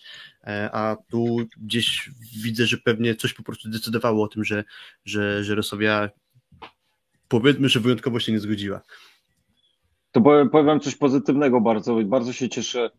Wczoraj wreszcie pod promie wróciło. No, liczyłem na to, że na samym końcu będzie cicho, ale się nie udało, ale tu było wczoraj pod promie, które pamiętam z, po, z, po, z lat wstecz. Było już I też. I też chyba Michał pisał tak, że Fabian po meczu bardzo mocno podziękował każdemu, pewnie trochę czasu spędził z Uroszem rozmawiając o, o rozegraniu. Tak, tak. Tak, tak, no i też tam, wiecie, tam to też szy- szy- szy- szydercze tematy, no właśnie to jakbyś miał ocenić poziom rozegrania Urosza, to który, która klasa rozgrywkowa, w sensie tak zachowując proporcje, jakbyś porównał do rozgrywających, których znasz, czy też lig, które obserwujesz, to, to jest bardziej pierwsza liga, druga liga, mm, oczywiście nie mam tutaj nic, niczego złego na myśli, ale po prostu jestem ciekaw e, takiej e, obiektywnej oceny tego, jak sobie radził. O. No i co, i teraz u siebie muszę sobie zrobić. No to ja bym powiedział, że góra pierwszej ligi bym powiedział. Za Dobra. dużo szaleństwa. Dobra. Za dużo szaleństwa. Dobra, no to mamy nadzieję, że no trochę więcej tego szaleństwa będzie mógł pokazać czy Maxi, czy Miguel. I właśnie ostatnie pytanie o zawierciu i przejdziemy do wydarzeń takich powiedzmy okołoligowych i pozostałych.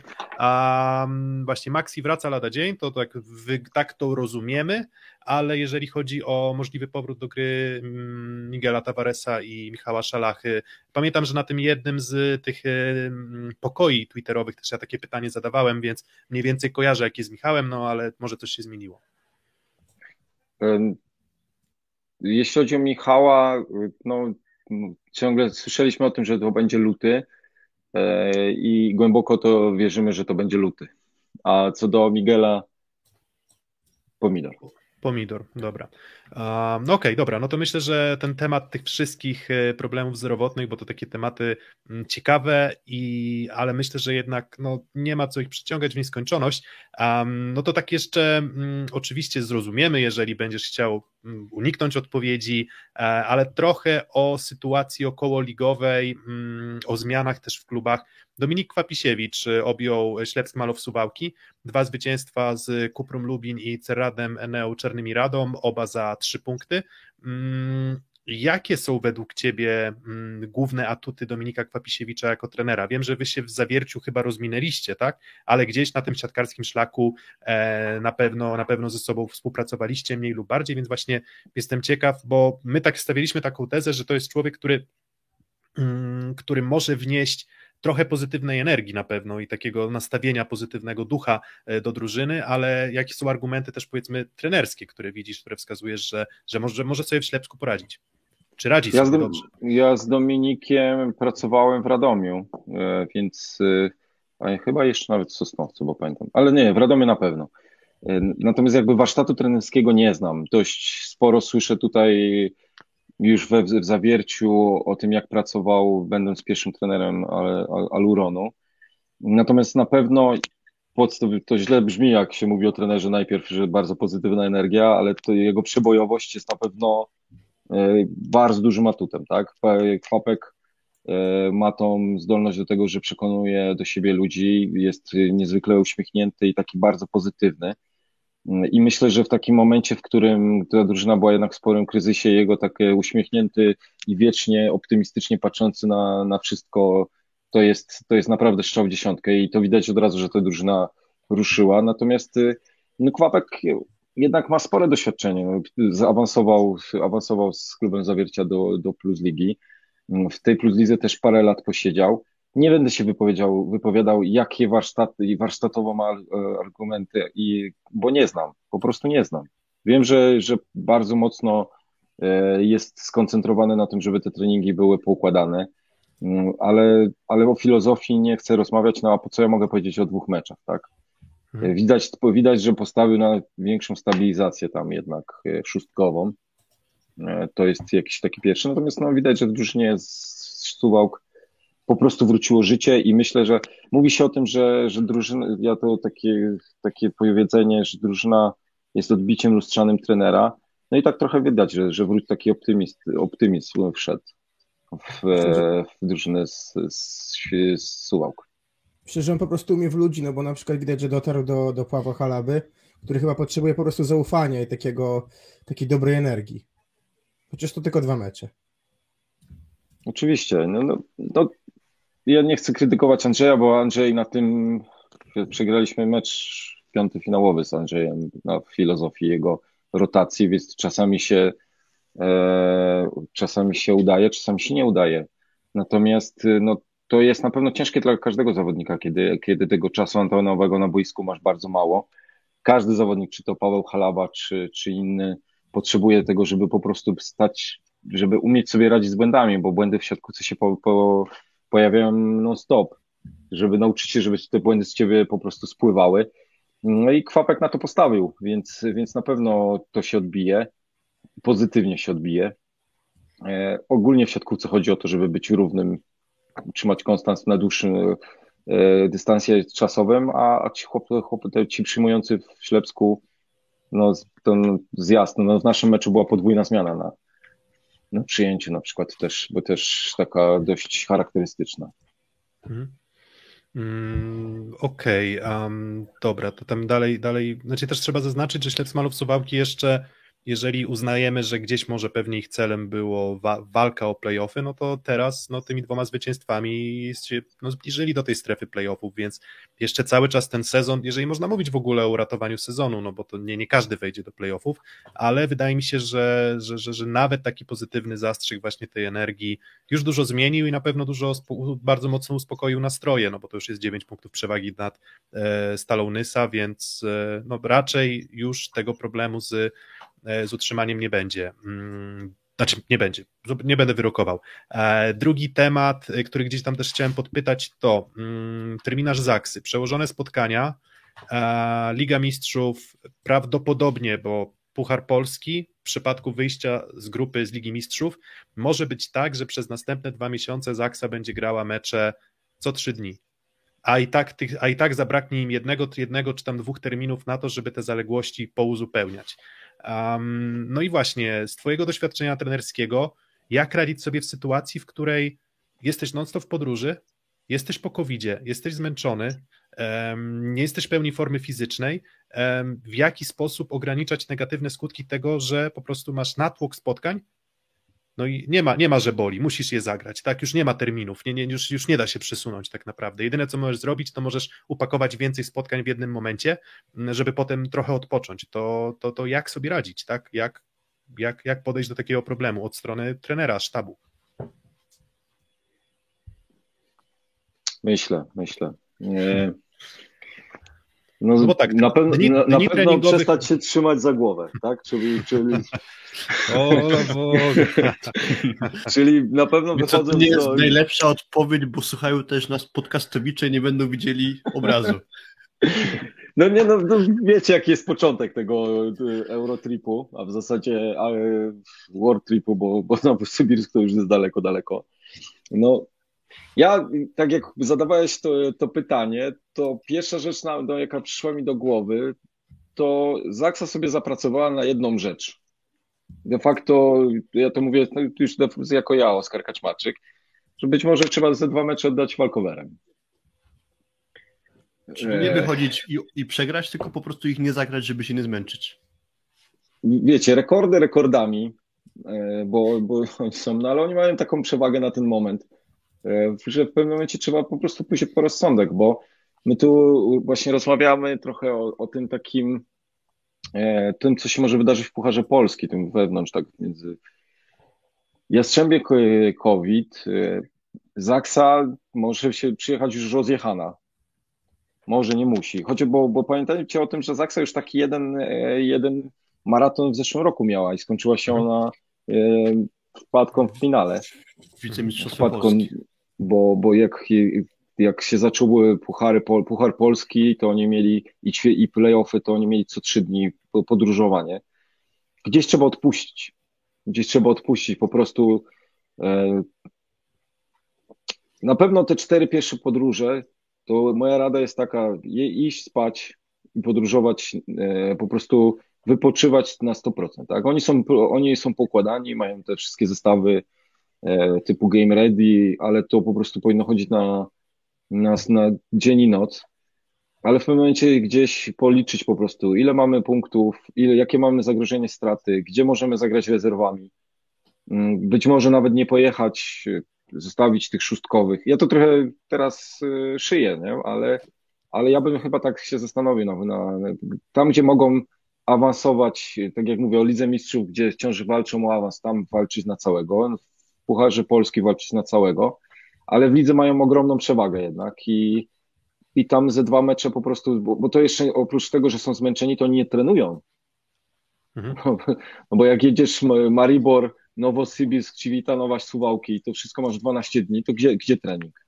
Mhm. Tam aktywna, active recovery tak zwane i, i, i gramy. Więc w pewnym momencie. A, które, a, wiesz co, a które, a które elementy um, siatkarskiego rzemiosła, czy, czy takiego poziomu gry drużyny najbardziej siadają w momencie, w którym jesteś skazany na, na liczne podróże? Gdy, gdy nie możesz trenować rzetelnie? Czy, czy, czy, czy, czy są jakieś rzeczy, no nie wiem, czy to byłaby zagrywka, czy, czy współpraca bloku z obroną, czy może rozgrywający trochę gubi, e, gubi dokładność, e, czy, czy, czy siła właśnie, czy jakbyś, nie wiem, czy, czy możesz w ogóle wskazać, czy to jest po prostu um, wielo, wieloustrojowy problem? Wieloustrojowy. Zacznę od zagrywki. Wielu, wielu trenerów zawsze ci odpowie, że, że my nie, nie wiedzą do końca, jak trenować zagrywkę, bo raz te, te, przez dwa tygodnie taki rodzaj trenowania e, przynosi efekty, a w trzecim tygodniu to siada kompletnie i mówisz, nie, to ja muszę coś zmienić.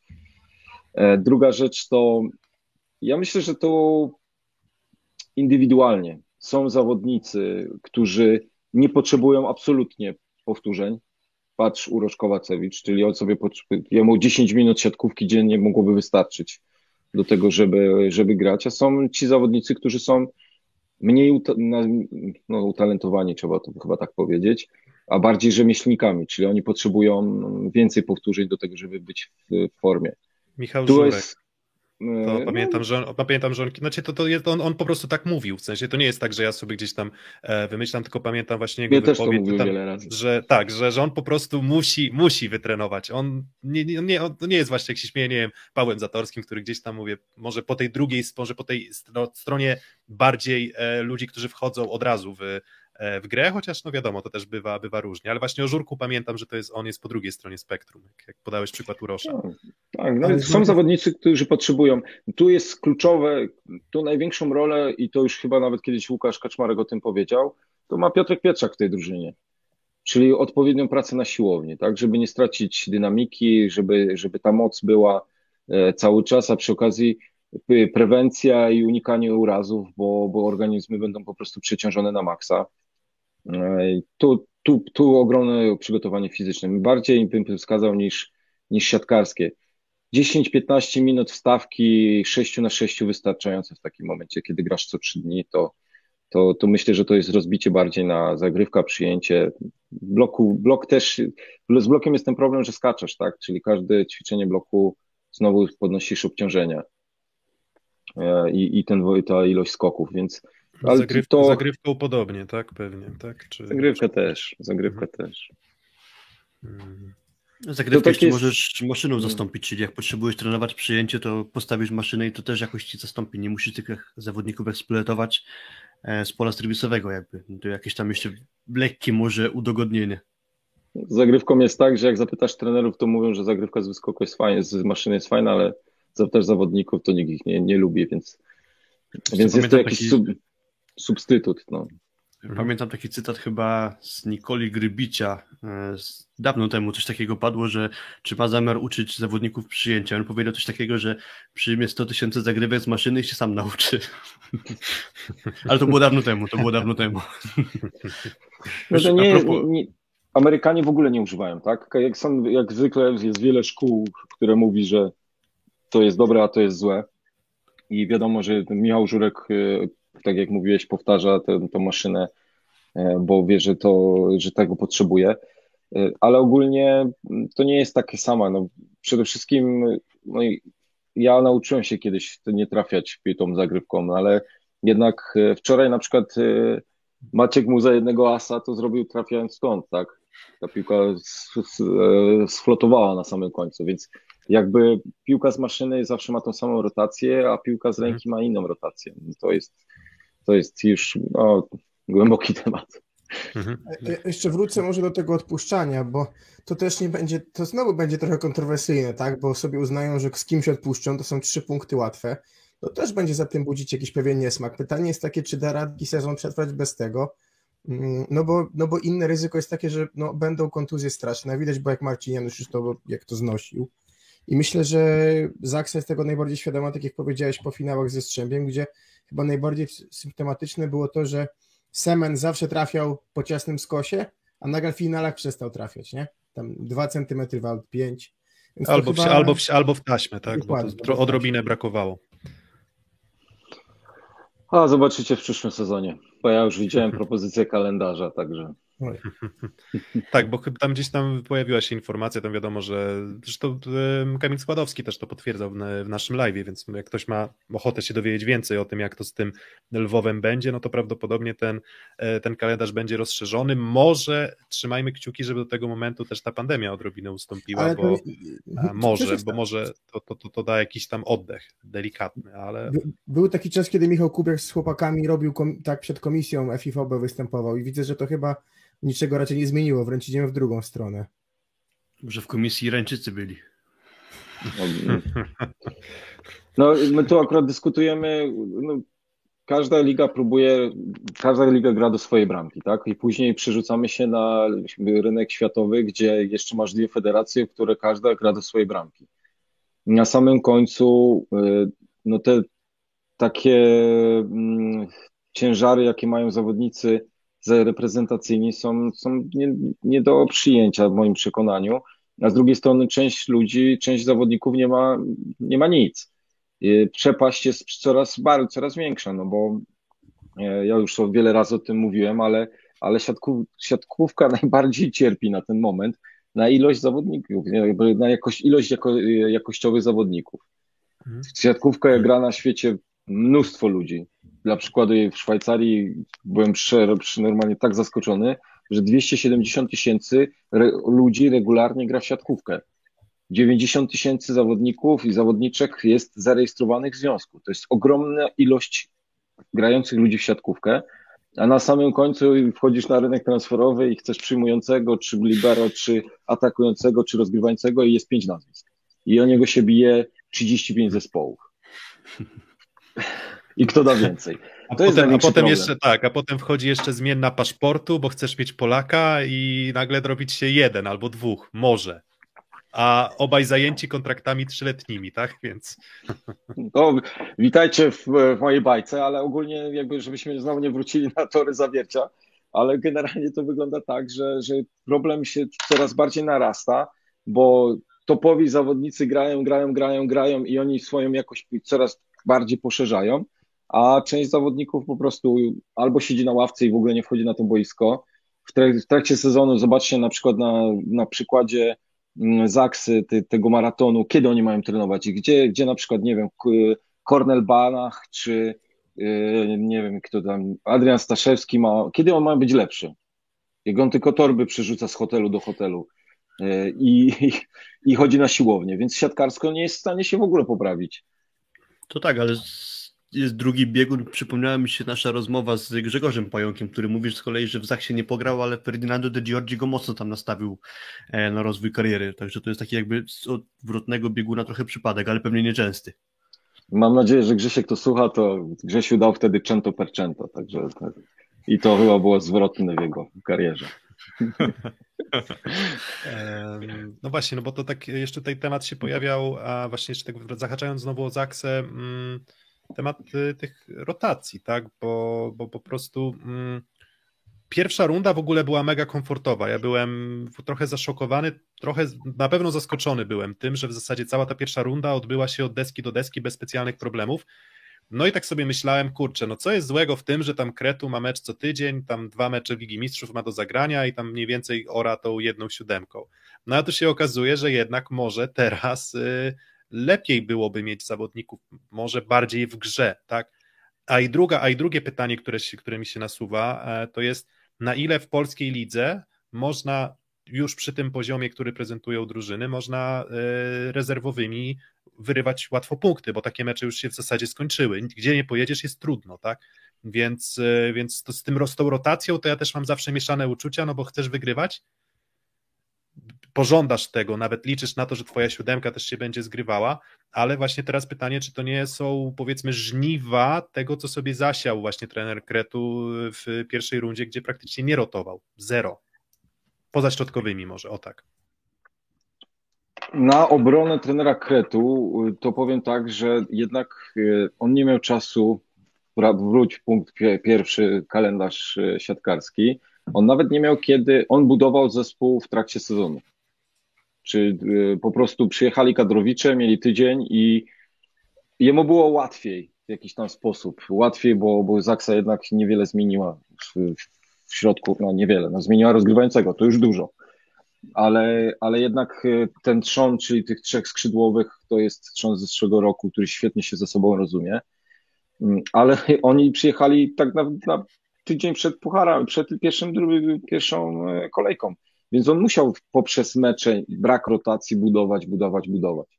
To jest właśnie świat trenera, który, o którym nikt nie, nie widzi tego, że, że po prostu ja wam przed chwilą mówiłem, że Miguel Tavares to dopiero po dwóch miesiącach zaczął rozumieć jaką piłkę, tak, i żeby ona była systematyczna. Bo też przyjechał po Mistrzostwach Europy i nie było kiedy tego pracować. Zwłaszcza, że jeszcze też w okresie przygotowawczym zawodnicy są w kompletnie innej formie fizycznej, tak. Kiedy oni dochodzą do, do, do tej swojego optymalnej formy, to trochę czasu mija. Mm, No i Pamiętam on musi- wypowiedź, wiesz co, pamiętam Mhm. wypowiedź o Oli Piskorskiej, agentki, która mówiła, że no, zgranie się zaczyna w drugiej rundzie. Ale Takie, też- też takie poważne, tak? nie deprecjonujący Grbicia, ale no, zbudował taką maszynę, bo miał czas przed sezonem po, po tej przerwie covidowej, tak, która przerwała sezony. Potem był chyba jedyny normalny okres przygotowawczy w historii, tak, dla zawodników mm, przed poprzednim sezonem po prostu. No, tak, tak. No i dlatego jakby rozumieć, y, trzeba zrozumieć Kretu w tym wszystkim, że tych rotacji e, było tak mało, chociaż on tak na przykład bardzo rozsądnie rotowa, rotuje środkowymi. E, Tutaj akurat to ma powiedzmy za, zapewnione, że tu się nic nie wysypie. E, A teraz w, tej, w tym wypadku to ja myślę, że to jest trochę takie na zasadzie ciągle trzymam szkielet, ale na każdy mecz komuś daje jednemu odpocząć, tak? Czyli, czyli nie wiem, kartka papieru, nie wiem, zawiercie, dobrze zagrywa flota, to zmieniam, to, to nie wiem, dam Żalińskiemu pograć, bo on sobie da radę w przyjęciu flota, tak? Nie, nie stracimy na tym. To już takie jakieś szachy, albo ewentualnie e, gdzieś patrząc na fizykę zawodników, no bo, bo pamiętajmy o tym, że oni wychodzą z COVID-u, tak? Czyli to też nie wiemy, kiedy, w jakiej, w jakiej oni będą formie fizycznej. Jeden przychodzi to łatwo, drugi przychodzi to dużo, dużo ciężej. Powikłania.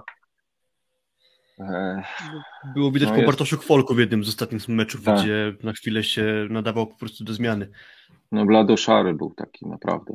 Nikolas Szerszeń wczoraj też y, dostał zmianę, wszedł Rafał Buszek, bo też widać było po nim, że chyba nie za dobrze się czuje. E, a ja myślałem, że my dobrze zagrywaliśmy. E, Nie, nie znam odpowiedzi, jaka była przyczyna, ale bo ty mogłeś tego nie widzieć, bo siedziałeś jakby na No ławce właśnie, swojego no. zespołu, a Nikolas jakby siedząc na ławce rysowi po zejściu, wyglądał jakby się nie czuł za dobrze po prostu od strony takiej, nie wiem, jakby przytomności czy czegoś takiego. Tak trochę wyglądało. No tak, tak. No Jak przygotowanie fizyczne.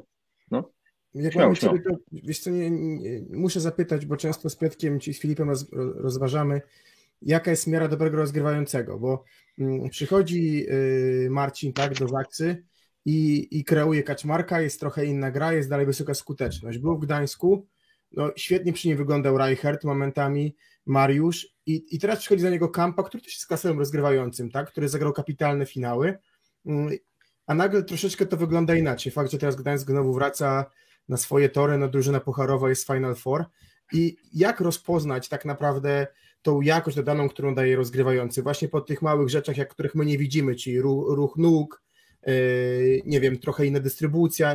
W jaki sposób wy to badacie tak naprawdę i rozróżniacie sobie, kto jest bardziej top, a kto jest trochę mniej top rozgrywających? Mm. No to zaczynamy. To 23. Dobra, czyli jednak, czyli jednak, Kuba, tam mówisz półtorej godziny chciałeś, no ale Nie, no sam to zastawiłeś chciałem- pułapkę. Wkopałeś, wkopałeś się człowieku. Które chyba na które jest najtrudniej odpowiedzieć, na, mi się wydaje, przynajmniej z mojej perspektywy, bo wiesz, też powiem taką, e, ostatnio trochę się szkolę na sędziego, więc trochę już widziałem trzeciej, czwartej ligi. Sędziowskiego, doprecyzuj. Tak, tak, tak. ale Sędziego, sędziego, Sędziego. siatkar, siatkarskiego. Sędzia sędziowski, tak, dobra, wiecie, zaraz kończymy, bo już zaczynamy takie głupoty. Nie, nie, ale generalnie chodzi o to, że no na, na takim poziomie łatwo widać różnicę, tak? Który rozgrywający widzi, że nie chodzi mu środkowy, do piłki do tyłu, kto gra częściej środkiem, tam widać różnicę, nie? Na poziomie wyższym ona się zaciera tak bardzo, że bardzo ciężko jest, mi się wydaje, rozróżnić rozgrywających, nie patrząc na elementy poza, poza, rozgrywa, poza rozegraniem, tak? Bo blok pewnie zagrywkę jest trochę łatwiej nam zauważyć, ale sam aspekt rozegrania dużo ciężej. To ja, ja zadam wam takie proste pytanie, chyba wyjściowe, bo to ten. Co jest nadrzędnym e, zadaniem rozgrywającego? Uzyskać możliwie najwyższą skuteczność i efektywność ataku drużyny. A ja bym to skrócił do najprostszej odpowiedzi, czyli zdobyć punkt w najbliższej akcji, tak? A, no okej, dobra, tak, tak, tak. No. To jest proste. To jest takie najłatwiejsza odpowiedź i, i e, piszę książkę, którą reklamuję od 10 lat, ale jej nigdy nie skończę. I tam jest taki moment, w którym, e, w którym opisuję Odeczeko, który w jednym z najważniejszych em, przy, przy 13-13 w tiebreaku, ale już nie pamiętam w którym roku, wystawia fenomenalną piłkę, je tam na krótkim rogu bodajże i oni nie kończą tej piłki. I wszyscy i jakby jakościowo, jakościowo to po prostu śmietana, piękna wystawa, tak? Ale drużyna nie skończyła jednej z najważniejszych piłek w sezonie. I z jednej strony rozgrywający powinien dobrze wyglądać, tak? To powinien pięknie wystawiać, ale jego jednakże zadaniem jest to, żeby w najbliższej akcji drużyna zdobyła punkt. I jeżeli patrzymy na to, oczywiście są te aspekty techniczne, o których, których mówię. No dzisiaj, dzisiaj ja jakbym miał patrzeć na y, rozgrywającego, to dużo więcej patrzę na zachowania się rozgrywającego dróg 2, 3, 4 metry od siatki, a mniej na przyjęcia przy siatce, bo ich jest coraz mniej. Więc y, i- jakie ma rozwiązania techniczne, jak, jak się porusza, jaki jest odważny, jakie, jaką, jaką pozycję ciała zajmuje. To jest wszystko super ważne. Natomiast na samym końcu klasowy rozgrywający to jest taki, który rozumie swoich zawodników i potrafi prowadzić wszystkich w bardzo dobry sposób. Takich, których każdy zawodnik czuje się pewnie na boisku. Jeżeli na przykład, bo, bo tu już naprawdę wchodzimy głęboko, jeżeli jest, są zawodnicy, każdy zawodnik ma lepsze i gorsze, ha, jak to powiedzieć, piłki w ataku. Bo gdzieś wiadomo, że można siatkówkę podzielić na, na, na różne rzeczy. Ja bardzo mocno od wielu lat trzymam się z tego i nikt mnie jeszcze nie wyprowadził z tego, że jest powiedzmy pięć różnych rodzajów wystaw i nie chodzimy o wysoką, szybką, ani tam super, tylko miejsce, z którego jest wystawiana piłka. Czyli jest piłka idealna na samym środku siatki, piłka powiedzmy ze środka boiska, ale tam trzeci, czwarty, piąty metr. Jest przerzucona, przerzut, czyli piłka lecąca 5-7 metrów. Jest krótki róg, czyli tam powiedzmy 2-3 metry. I jeszcze jest piłka tam piąta, która na niej występuje, czyli lecąca z innej strony. I teraz każdy z tych zawodników w danych sytuacjach czuje się lepiej lub gorzej. I teraz zawodnik rozgrywający powinien znać swoich zawodników.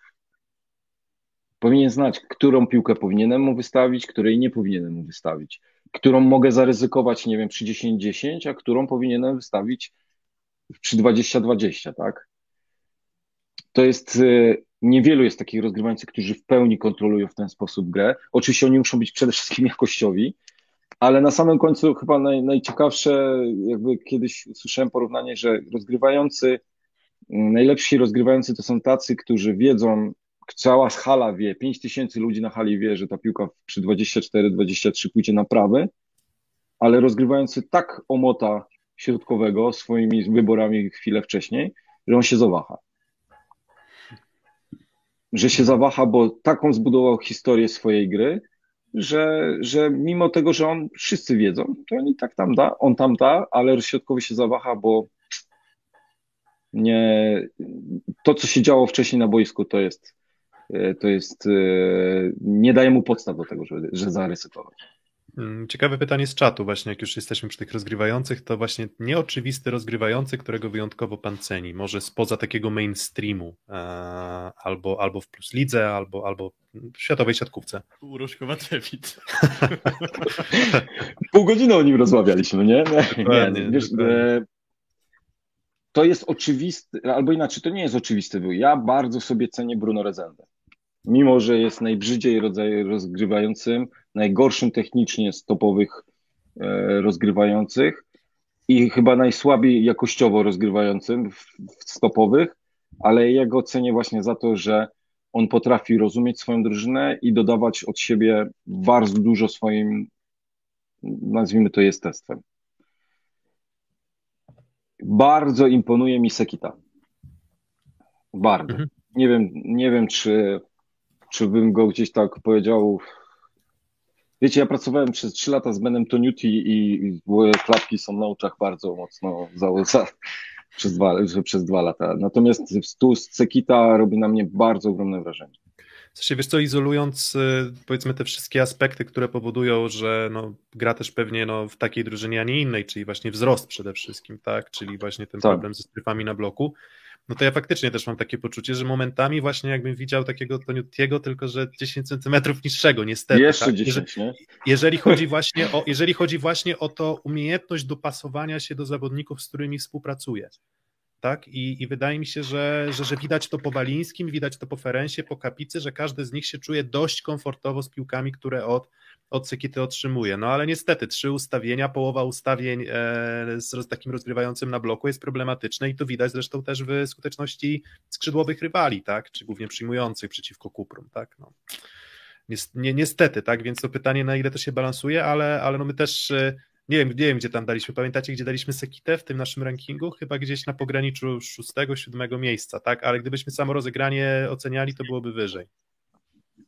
Tak, no, no, nie, no jest niekompletnym, ale na przykład y, fakt, że myśmy w tym sezonie nie miałem okazji go na żywo zobaczyć, bo dwukrotnie wypadł tuż przed meczem, ale ja na przykład y, nie, jego zagrywkę nazywam wrzodem, bo, bo niby nie jest trudna, ale może być wszędzie i zmieniająca, y, zmieni, zmieniająca za każdym razem położenie, więc, więc jest naprawdę bardzo ciekawym zawodnikiem, bardzo ciekawym.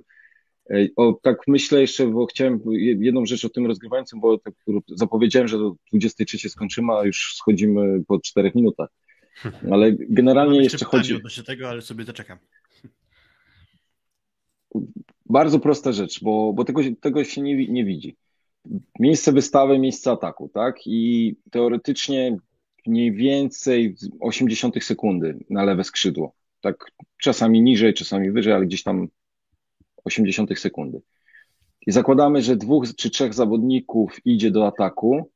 Jeden potrzebuje takiej piłki, drugiej takiej piłki, a trzeci takiej piłki. I ona ma, i za każdym razem ona ma lecieć 80 sekundy. Dobry rozgrywający to jest ten, który wie i potrafi to zrobić.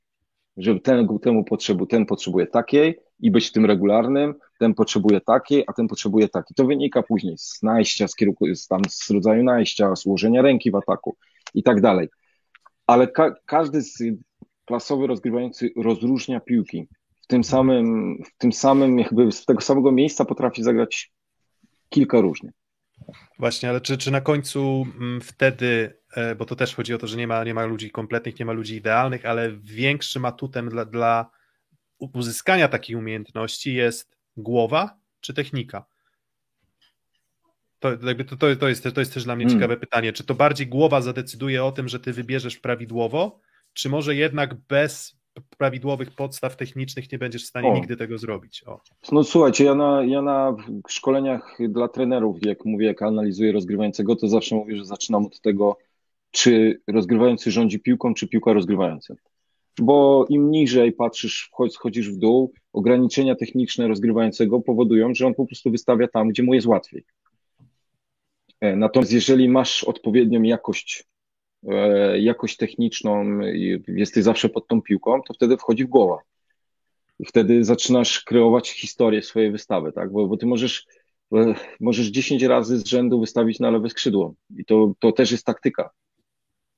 Bo i ja, ja na przykład nie próbujcie tam. Albo, albo, dać ja bym 80, zwariował. albo dać 80% piłek do dwóch e, skrzydłowych w ćwierćfinale Igrzysk Olimpijskich. No, no tak.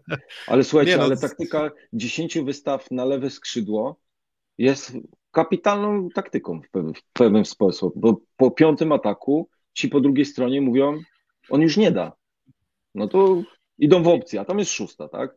To jest, i to zaczyna się granie, no i ja, ja pamiętam mecze, gdzie graliśmy naprzeciwko siebie, jeszcze będąc, jak pracowałem z Benem i graliśmy przeciwko Benowi z reprezentacją Francji, to się zaczynało, on wie, że ja wiem.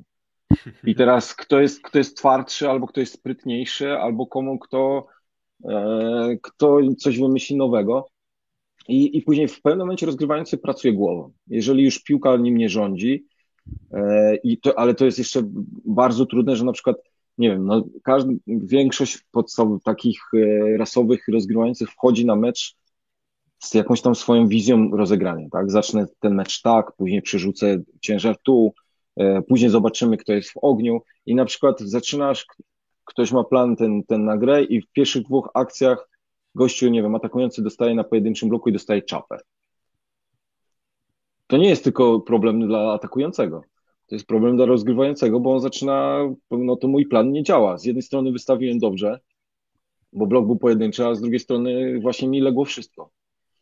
I teraz umiejętność zmiany tych planów, przerzucania.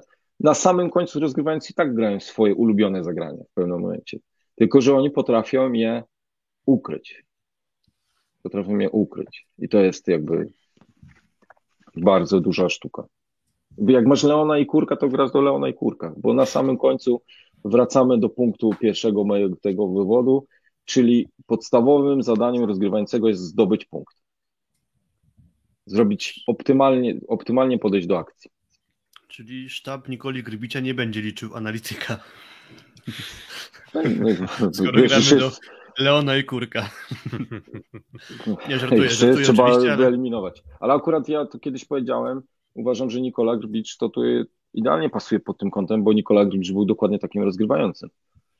I, i, i krytyka na przykład, nie wiem, Fabiana, e, że nie wiem, że jest słabym rozgrywającym, bo gra lewo-prawo, ale Nikola Grbicz jest fantastyczny, tak? Jakbyśmy zapytali, e, zapytali wymień pięciu historii rozgrywających, to myślę, że wielu by powiedziało Nikola Grbicz. A on grał lewo-prawo. Mhm. No ale za to jak grał? No ale, ale to krytykujemy Nie, no za tak, no. technikę czy taktykę. No. On, Tak, Ale on, on potrafił to zrobić tak, że mimo, że było lewo-prawo, e, mecz bodajże 2013 rok w Nowosybirsku, w Omsku, przepraszam. Półfinał, mm, półfinał Ligi Mistrzów graliśmy z nimi, z, Tre, e, z Trevizu. Z Trevizu. Skuneo chyba. Z Cuneo, Cuneo. W tiebreaku 10 razy Weissmans, 8 razy Sokołow i jeden raz Mgapet. I wygrali. Dobra, Filip, ty chyba miałeś jeszcze jakieś e, pytanie do zadania, bo myślę, że tak powolutku, powolutku już chyba Okej, będziemy właśnie do finiszu. sumie może nie do końca pytania, ale mi się przypomniało, jakby trochę uzupełniając tę twoją wypowiedź, ja jedno z twoich szkoleń właśnie, jak ty analizujesz rozgrywających, oglądałem i przy tym mówiłeś o tym, że ktoś wystawi 10 razy na lewej, to może być niezła taktyka, wtedy podałeś przykład Fabiana Drzyzgi, że wystawia 5 razy do tego samego gościa po kolei i można mówić, albo jest głupi, albo ma jaja, coś takiego mniej więcej. E, to zapamiętałem, a, a drugą też rzecz zapamiętałem odnośnie tego, co ty powiedziałeś wcześniej, że pewni rozgrywający grają w pewien sposób jakby schematycznie albo powtarzały pewne zagrania i podałeś przykład finału Mistrzostw Świata z 2014 roku, gdzie wy, chyba 2014 roku, analizując Brazylię, jak oni robili podwójne zmiany, to ci, co wchodzili na Mhm. podwójną, grali zawsze ze sobą. Rozgrywający Tak. zawsze wystawiał do atakującego. I wy chyba w tym finale akurat zostaliście zgubieni, bo akurat tego nie zagrali. Coś takiego mniej więcej zapamiętałem. Nie wiem, czy ty to pamiętasz jeszcze? I Tak, czy tak, rzeczywiście coś nie pomyliłem? Znaczy wiesz co, y, jakby cały, cały sens tego wszystkiego to rozumiem, y, bo ja myślę, że to było, jakby patrząc na historię podwójnej zmiany Brazylii, to było zaprogramowane. To było przez Oni- lata pracowali na to, żeby w finale kogoś zgubić. Tak. Kiedyś w ogóle słyszy, słyszałem historię o Murilo Radke, y, który zagrywał, tylko teraz też, żebym nie skłamał, zagrywał tylko do piątki przez cały czas. I, a na treningu... Mówił o Radkę, na- mówisz o rozgrywającym. Tak, Ten zbyt goszczy. ten z Tak. Bydgoszczy, By- Izmy i tak dalej. A na treningach nie było dla niego w ogóle żadnym problemem e, zagrać do jedynki. I, za, I na pytanie, dlaczego nigdy nie zagrywasz do jedynki, on powiedział, bo ja taką piłkę zagram w finale. Bo nikt nie będzie się tego spodziewał. Więc e, to albo ktoś jest głupi, albo ktoś ma jaja, nie? To tak trochę jest, ale... Wiesz co, ale to, ale to, to wiesz co, to ja, znaczy teraz już nie, będę, nie będziemy tego ciągnąć, ale to też mnie mega ciekawi, na ile rozgrywający w trakcie sezonu musi się adaptować do tego, że jego rywale wiedzą, jak zagra na podstawie danych historycznych. O, czy wtedy maksymalizuje, czy zmienia, na ile się ta dystrybucja zmienia, to też jest myślę fascynujący temat, ale nie, nie na teraz już chyba.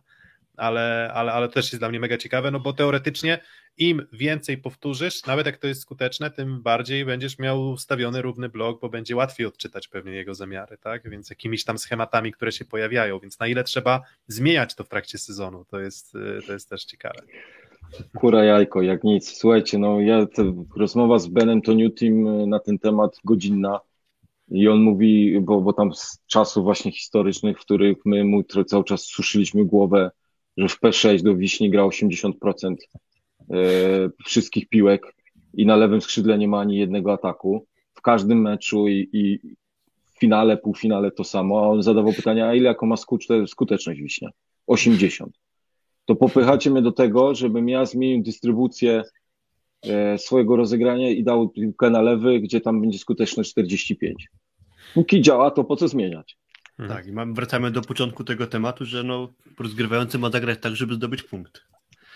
I tutaj znowu możemy wejść głębiej, tylko że problemem jakby dla przeciwnika w sytuacji, gdzie jest P6 i Wiśniewski zbiega z prawej strony e, z prawej strony boiska, to jest taka, że wszyscy wiedzieli, że on będzie grał, że do niego wyjdzie piłka, tylko że raz była na głowę, raz była przesunięta tu, a raz była tu.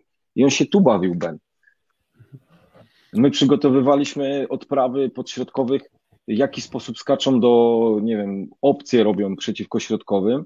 Jak mieliśmy, bo my mieliśmy swoje jakieś tam pane- patenty i stawiam, że, że Ben stosuje je do dzisiaj.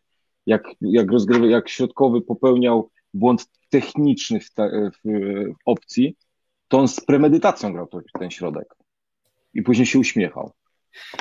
Ty skoczyłeś w opcję, ale ta piłka była gdzie indziej niż skoczyłeś. I, i, i jak, jak Piotrek zadałeś pytanie, dystrybucja 80, tam już pracowanie nad balansem, to bardziej jest hobbystyczne. Ja to raczej po tym, co, co Ben powiedział, o czym rozmawialiśmy i, i muszę się ku niemu zgodzić. To on jest maestro w tym wszystkim. Mhm. To jest bardziej hobbystyczne u trenerów. Mhm. Że to trenerzy chcą mieć bardziej zbalansowany atak, yy, a rozgrywający, rozgrywający ma zdobywać punkty. Z drugiej strony, z drugiej strony ja jako trener, czy, czy trenerzy patrzą w ten sposób, że być może w finale ten jeden atak na lewym skrzydle powinieneś zagrać, tak? Mhm. Być może ten meczowy. pamiętam? Pamiętasz Vermilio? E, Finał ze Mhm. Skrą? E, Tak. Kto tam był? E, Juri Biereszko, tak? Dostał przecież na czystą siatkę, tak? Przy meczowej dla Skry, nie? Od Vermilio.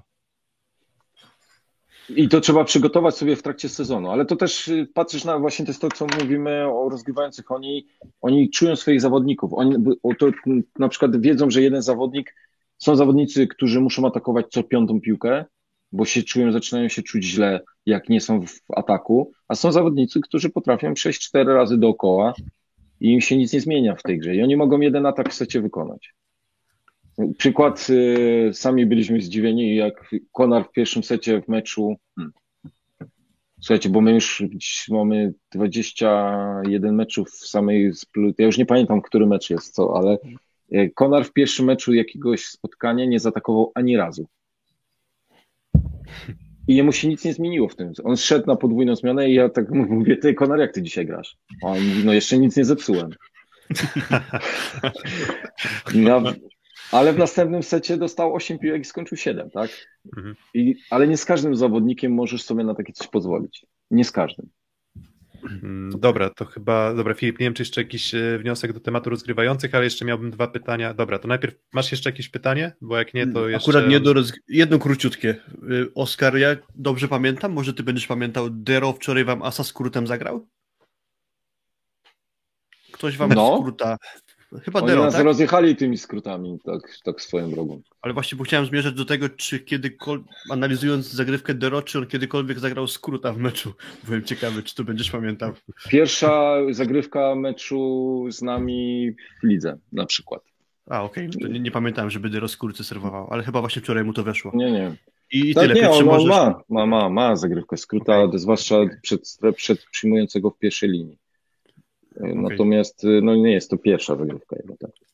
Okej. A, dobra, to dwa. Z treflem. Dwa tematy, dwa tematy ligowe już tak na, na, na zamknięcie, czyli um, jesteśmy, no co, dziewięć spotkań, wy macie akurat tych spotkań rozegranych 18, więc 8 spotkań do końca rundy zasadniczej, ten terminarz wasz, no tak jak zresztą i w pierwszej rundzie, um, niełatwy i pytanie, czy, na którym miejscu zakończycie fazę zasadniczą? O, w sensie, czy utrzymacie to miejsca, miejsca 3-4, może to ta, tak to zawężę, 8 punktów przewagi nad projektem z dwoma zaległymi meczami projektu i 10 punktów przewagi nad Resowią z jednym zaległym meczem e, Resowi. Mm. Słuchaj, no to odpowiedź cię nie usatysfakcjonuje. E, w takim obecny, tym bardziej w takiej sytuacji, jakiej my jesteśmy, patrzymy tylko na najbliższy mecz. E, I nie, nie to jest jakieś zabawy, na którym miejscu skończymy. Myślę, że powinniśmy pilnować tylko tego, żeby nie spaść na szóste, tak? Mhm. E, bo, bo tutaj by się zaczęły schody. Natomiast e, wiadomo, dobrze by było mieć to miejsce wyżej, czyli grać u siebie, pierwszy ćwierćfinał, ale to już będzie taki przeciwnik w tych ćwierćfinałach, że to absolutnie nie ma znaczenia. No, także Także, żeby nie spać na szóste miejsce, to jest jakby minimalistycznie, mhm. ta, ale żeby odpowiedzieć na Twoje pytanie, natomiast my nie liczymy punktów. No, dla nas bardzo ważne są teraz te dwa spotkania, zanim mhm. zaczniemy grać z Topem, czyli mecz e, z Radomiem w niedzielę i z Nysą, bo my jesteśmy, rozmawialiśmy o tym, co się wydarzyło Lubin, e, Lubin e, i Rzeszów, to jest duża szansa, że Max zagra w meczu w e, niedzielę, ale Max nie trenuje od, od jakiegoś czasu. Mhm. Więc to też nie będzie tak, że od razu u nas będzie wszystko funkcjonowało od A do Z. Więc dla mhm. nas to są bardzo trudne, trudne, trudne chwile i po prostu step by step. Step by step. Mm, I, dru I, drugie pytanie, już tak e, może łatwiej będzie mówić o nie swoim klubie. 21 mm, punktów Katowic, 20 Lublina, 19 Gdańska, 16 16 Lubina, to jest Twoim faworytem do zajęcia ósmego miejsca. Mm, na podstawie obecnego poziomu gry i no tam w terminarz nie będziemy wchodzić, bo tam trzeba byłoby to no, rozkładać na czynniki pierwsze, ale, ale na podstawie tego, co, co prezentują w ostatnich, nie wiem, tygodniach, to, to czy jest jakaś drużyna, którą wskazałbyś, namaścił, namaszczę, namaszczę, no. Za ten łomot, co dostaliśmy, to gwiazdkę dla Katowic, no. Myślę, że, że poza tym ja, jak patrząc tak, tak po prostu stricte, niesamowity charakter ma ta drużyna i ja to, tu Marcin Górski jest na tym, ja to powiedziałem, że, że GKS Katowice to jest jak ten, ten, ten rycerz, co strzegł drogi u, Man, u Monty Pythona. On ma, nie ma ręk, nie ma rąk, nie ma nóg, ale on dalej chce walczyć. To taki jest ten GKS Katowice, więc to tak, tak po prostu z czystej sympatii czy siatkarsko, no tam się, to już trzeba byłoby zobaczyć to w kalendarz po prostu. Ale za to, za to jak pokazują charakter, to. Też na czacie to... są podpowiedzi. A, myślałem, że jakby skończyłeś wypowiedź ci No dobrze, to... bo mi trzeba przerwać, także jedź. No. Nie, bo jeszcze na czacie są podpowiedzi, że ten mecz bez tych wystaw do Konara, jak dobrze rozumiem, to z treflem. Tak, tak, z treflem, zgadza się. Co tam się stało w Kogule? No, oszukali nas. Dobra, to jeszcze, dobra, do, do, osta, dobra, ostatnie pytanie z czatu i chyba już zakończymy. Jak tam twoja autostrada zbudowana ilością testów na COVID w krótkim czasie? Jakby nie wiem o co chodzi, ale y, Łukasz, e, Marcin Górski, przepraszam, zadaje skądinąd ci pewnie znany. E, zadaje to tak, to tak. No, no, nie, my nie, nie ukrywamy tego, no, że pojawił się u nas przypadek COVID-u, więc drużyna była cztery dni z rzędu testowana, żeby być pewnym, że, że nikt u nas, że ten wirus się nie, nie, nie rozprzestrzenił. Co tam, tak? ale drapali ci antygeny, czy drapali ci tam mózg trochę? Mózg, mózg, no. Mózg, mózg. ci podrapali, tak, to nie jest najprzyjemniejsza rzecz, jaką przeżyłem no nie, w życiu. Nie. nie, ale już znaleźliśmy patyczkowego, który robi to w miarę dobrze, który jest w miarę delikatny. Także pozdrawiam naszego patyczkowego. I któremu zawsze testy negatywne wychodzą. Tak, w dodatku negatywne. Nie wiem, czy on tym patyczkiem tym samym nie robił po prostu całym wszystkim, no ale... Dokładnie, ale... nie wiecie, jak to, nieważne, nieważne kto ten, nieważne kto, jak to było z wyborami głosuje tylko chyba, tak, że nieważne kto głosy. głosuje, tylko ważne kto liczy głosy, właśnie, nieważne kto ten, kto pobiera wymaz, a ważne kto sprawdza rezultat, tak?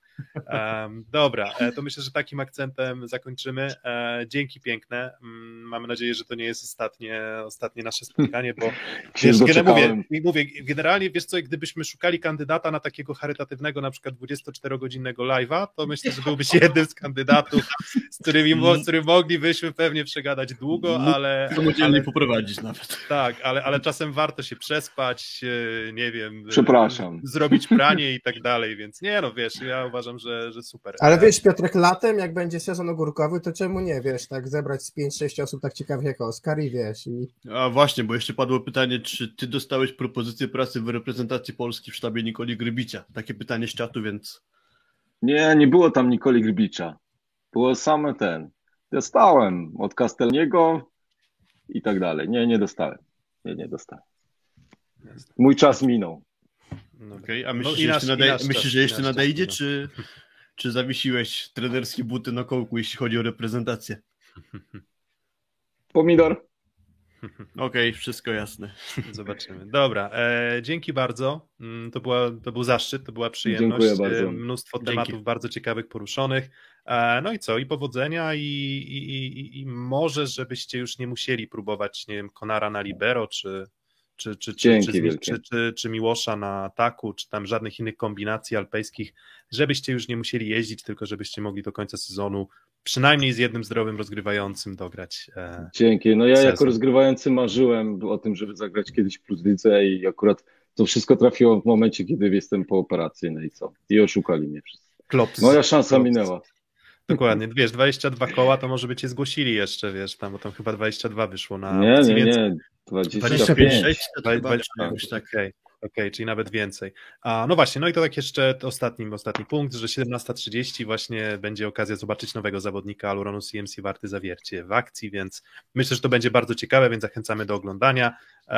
Dał, da Igor szansę, jakby było plus 10 w secie, na przykład 24-13, myślisz, że to jest realne, czy to tak Nie psujmy niespodzianki zwycięstwa. Dobra, nie, dobra, nie psujmy niespodzianki. Koniec, koniec, zobaczymy. Y, Oglądajcie i się przekonacie. Dzięki wielkie.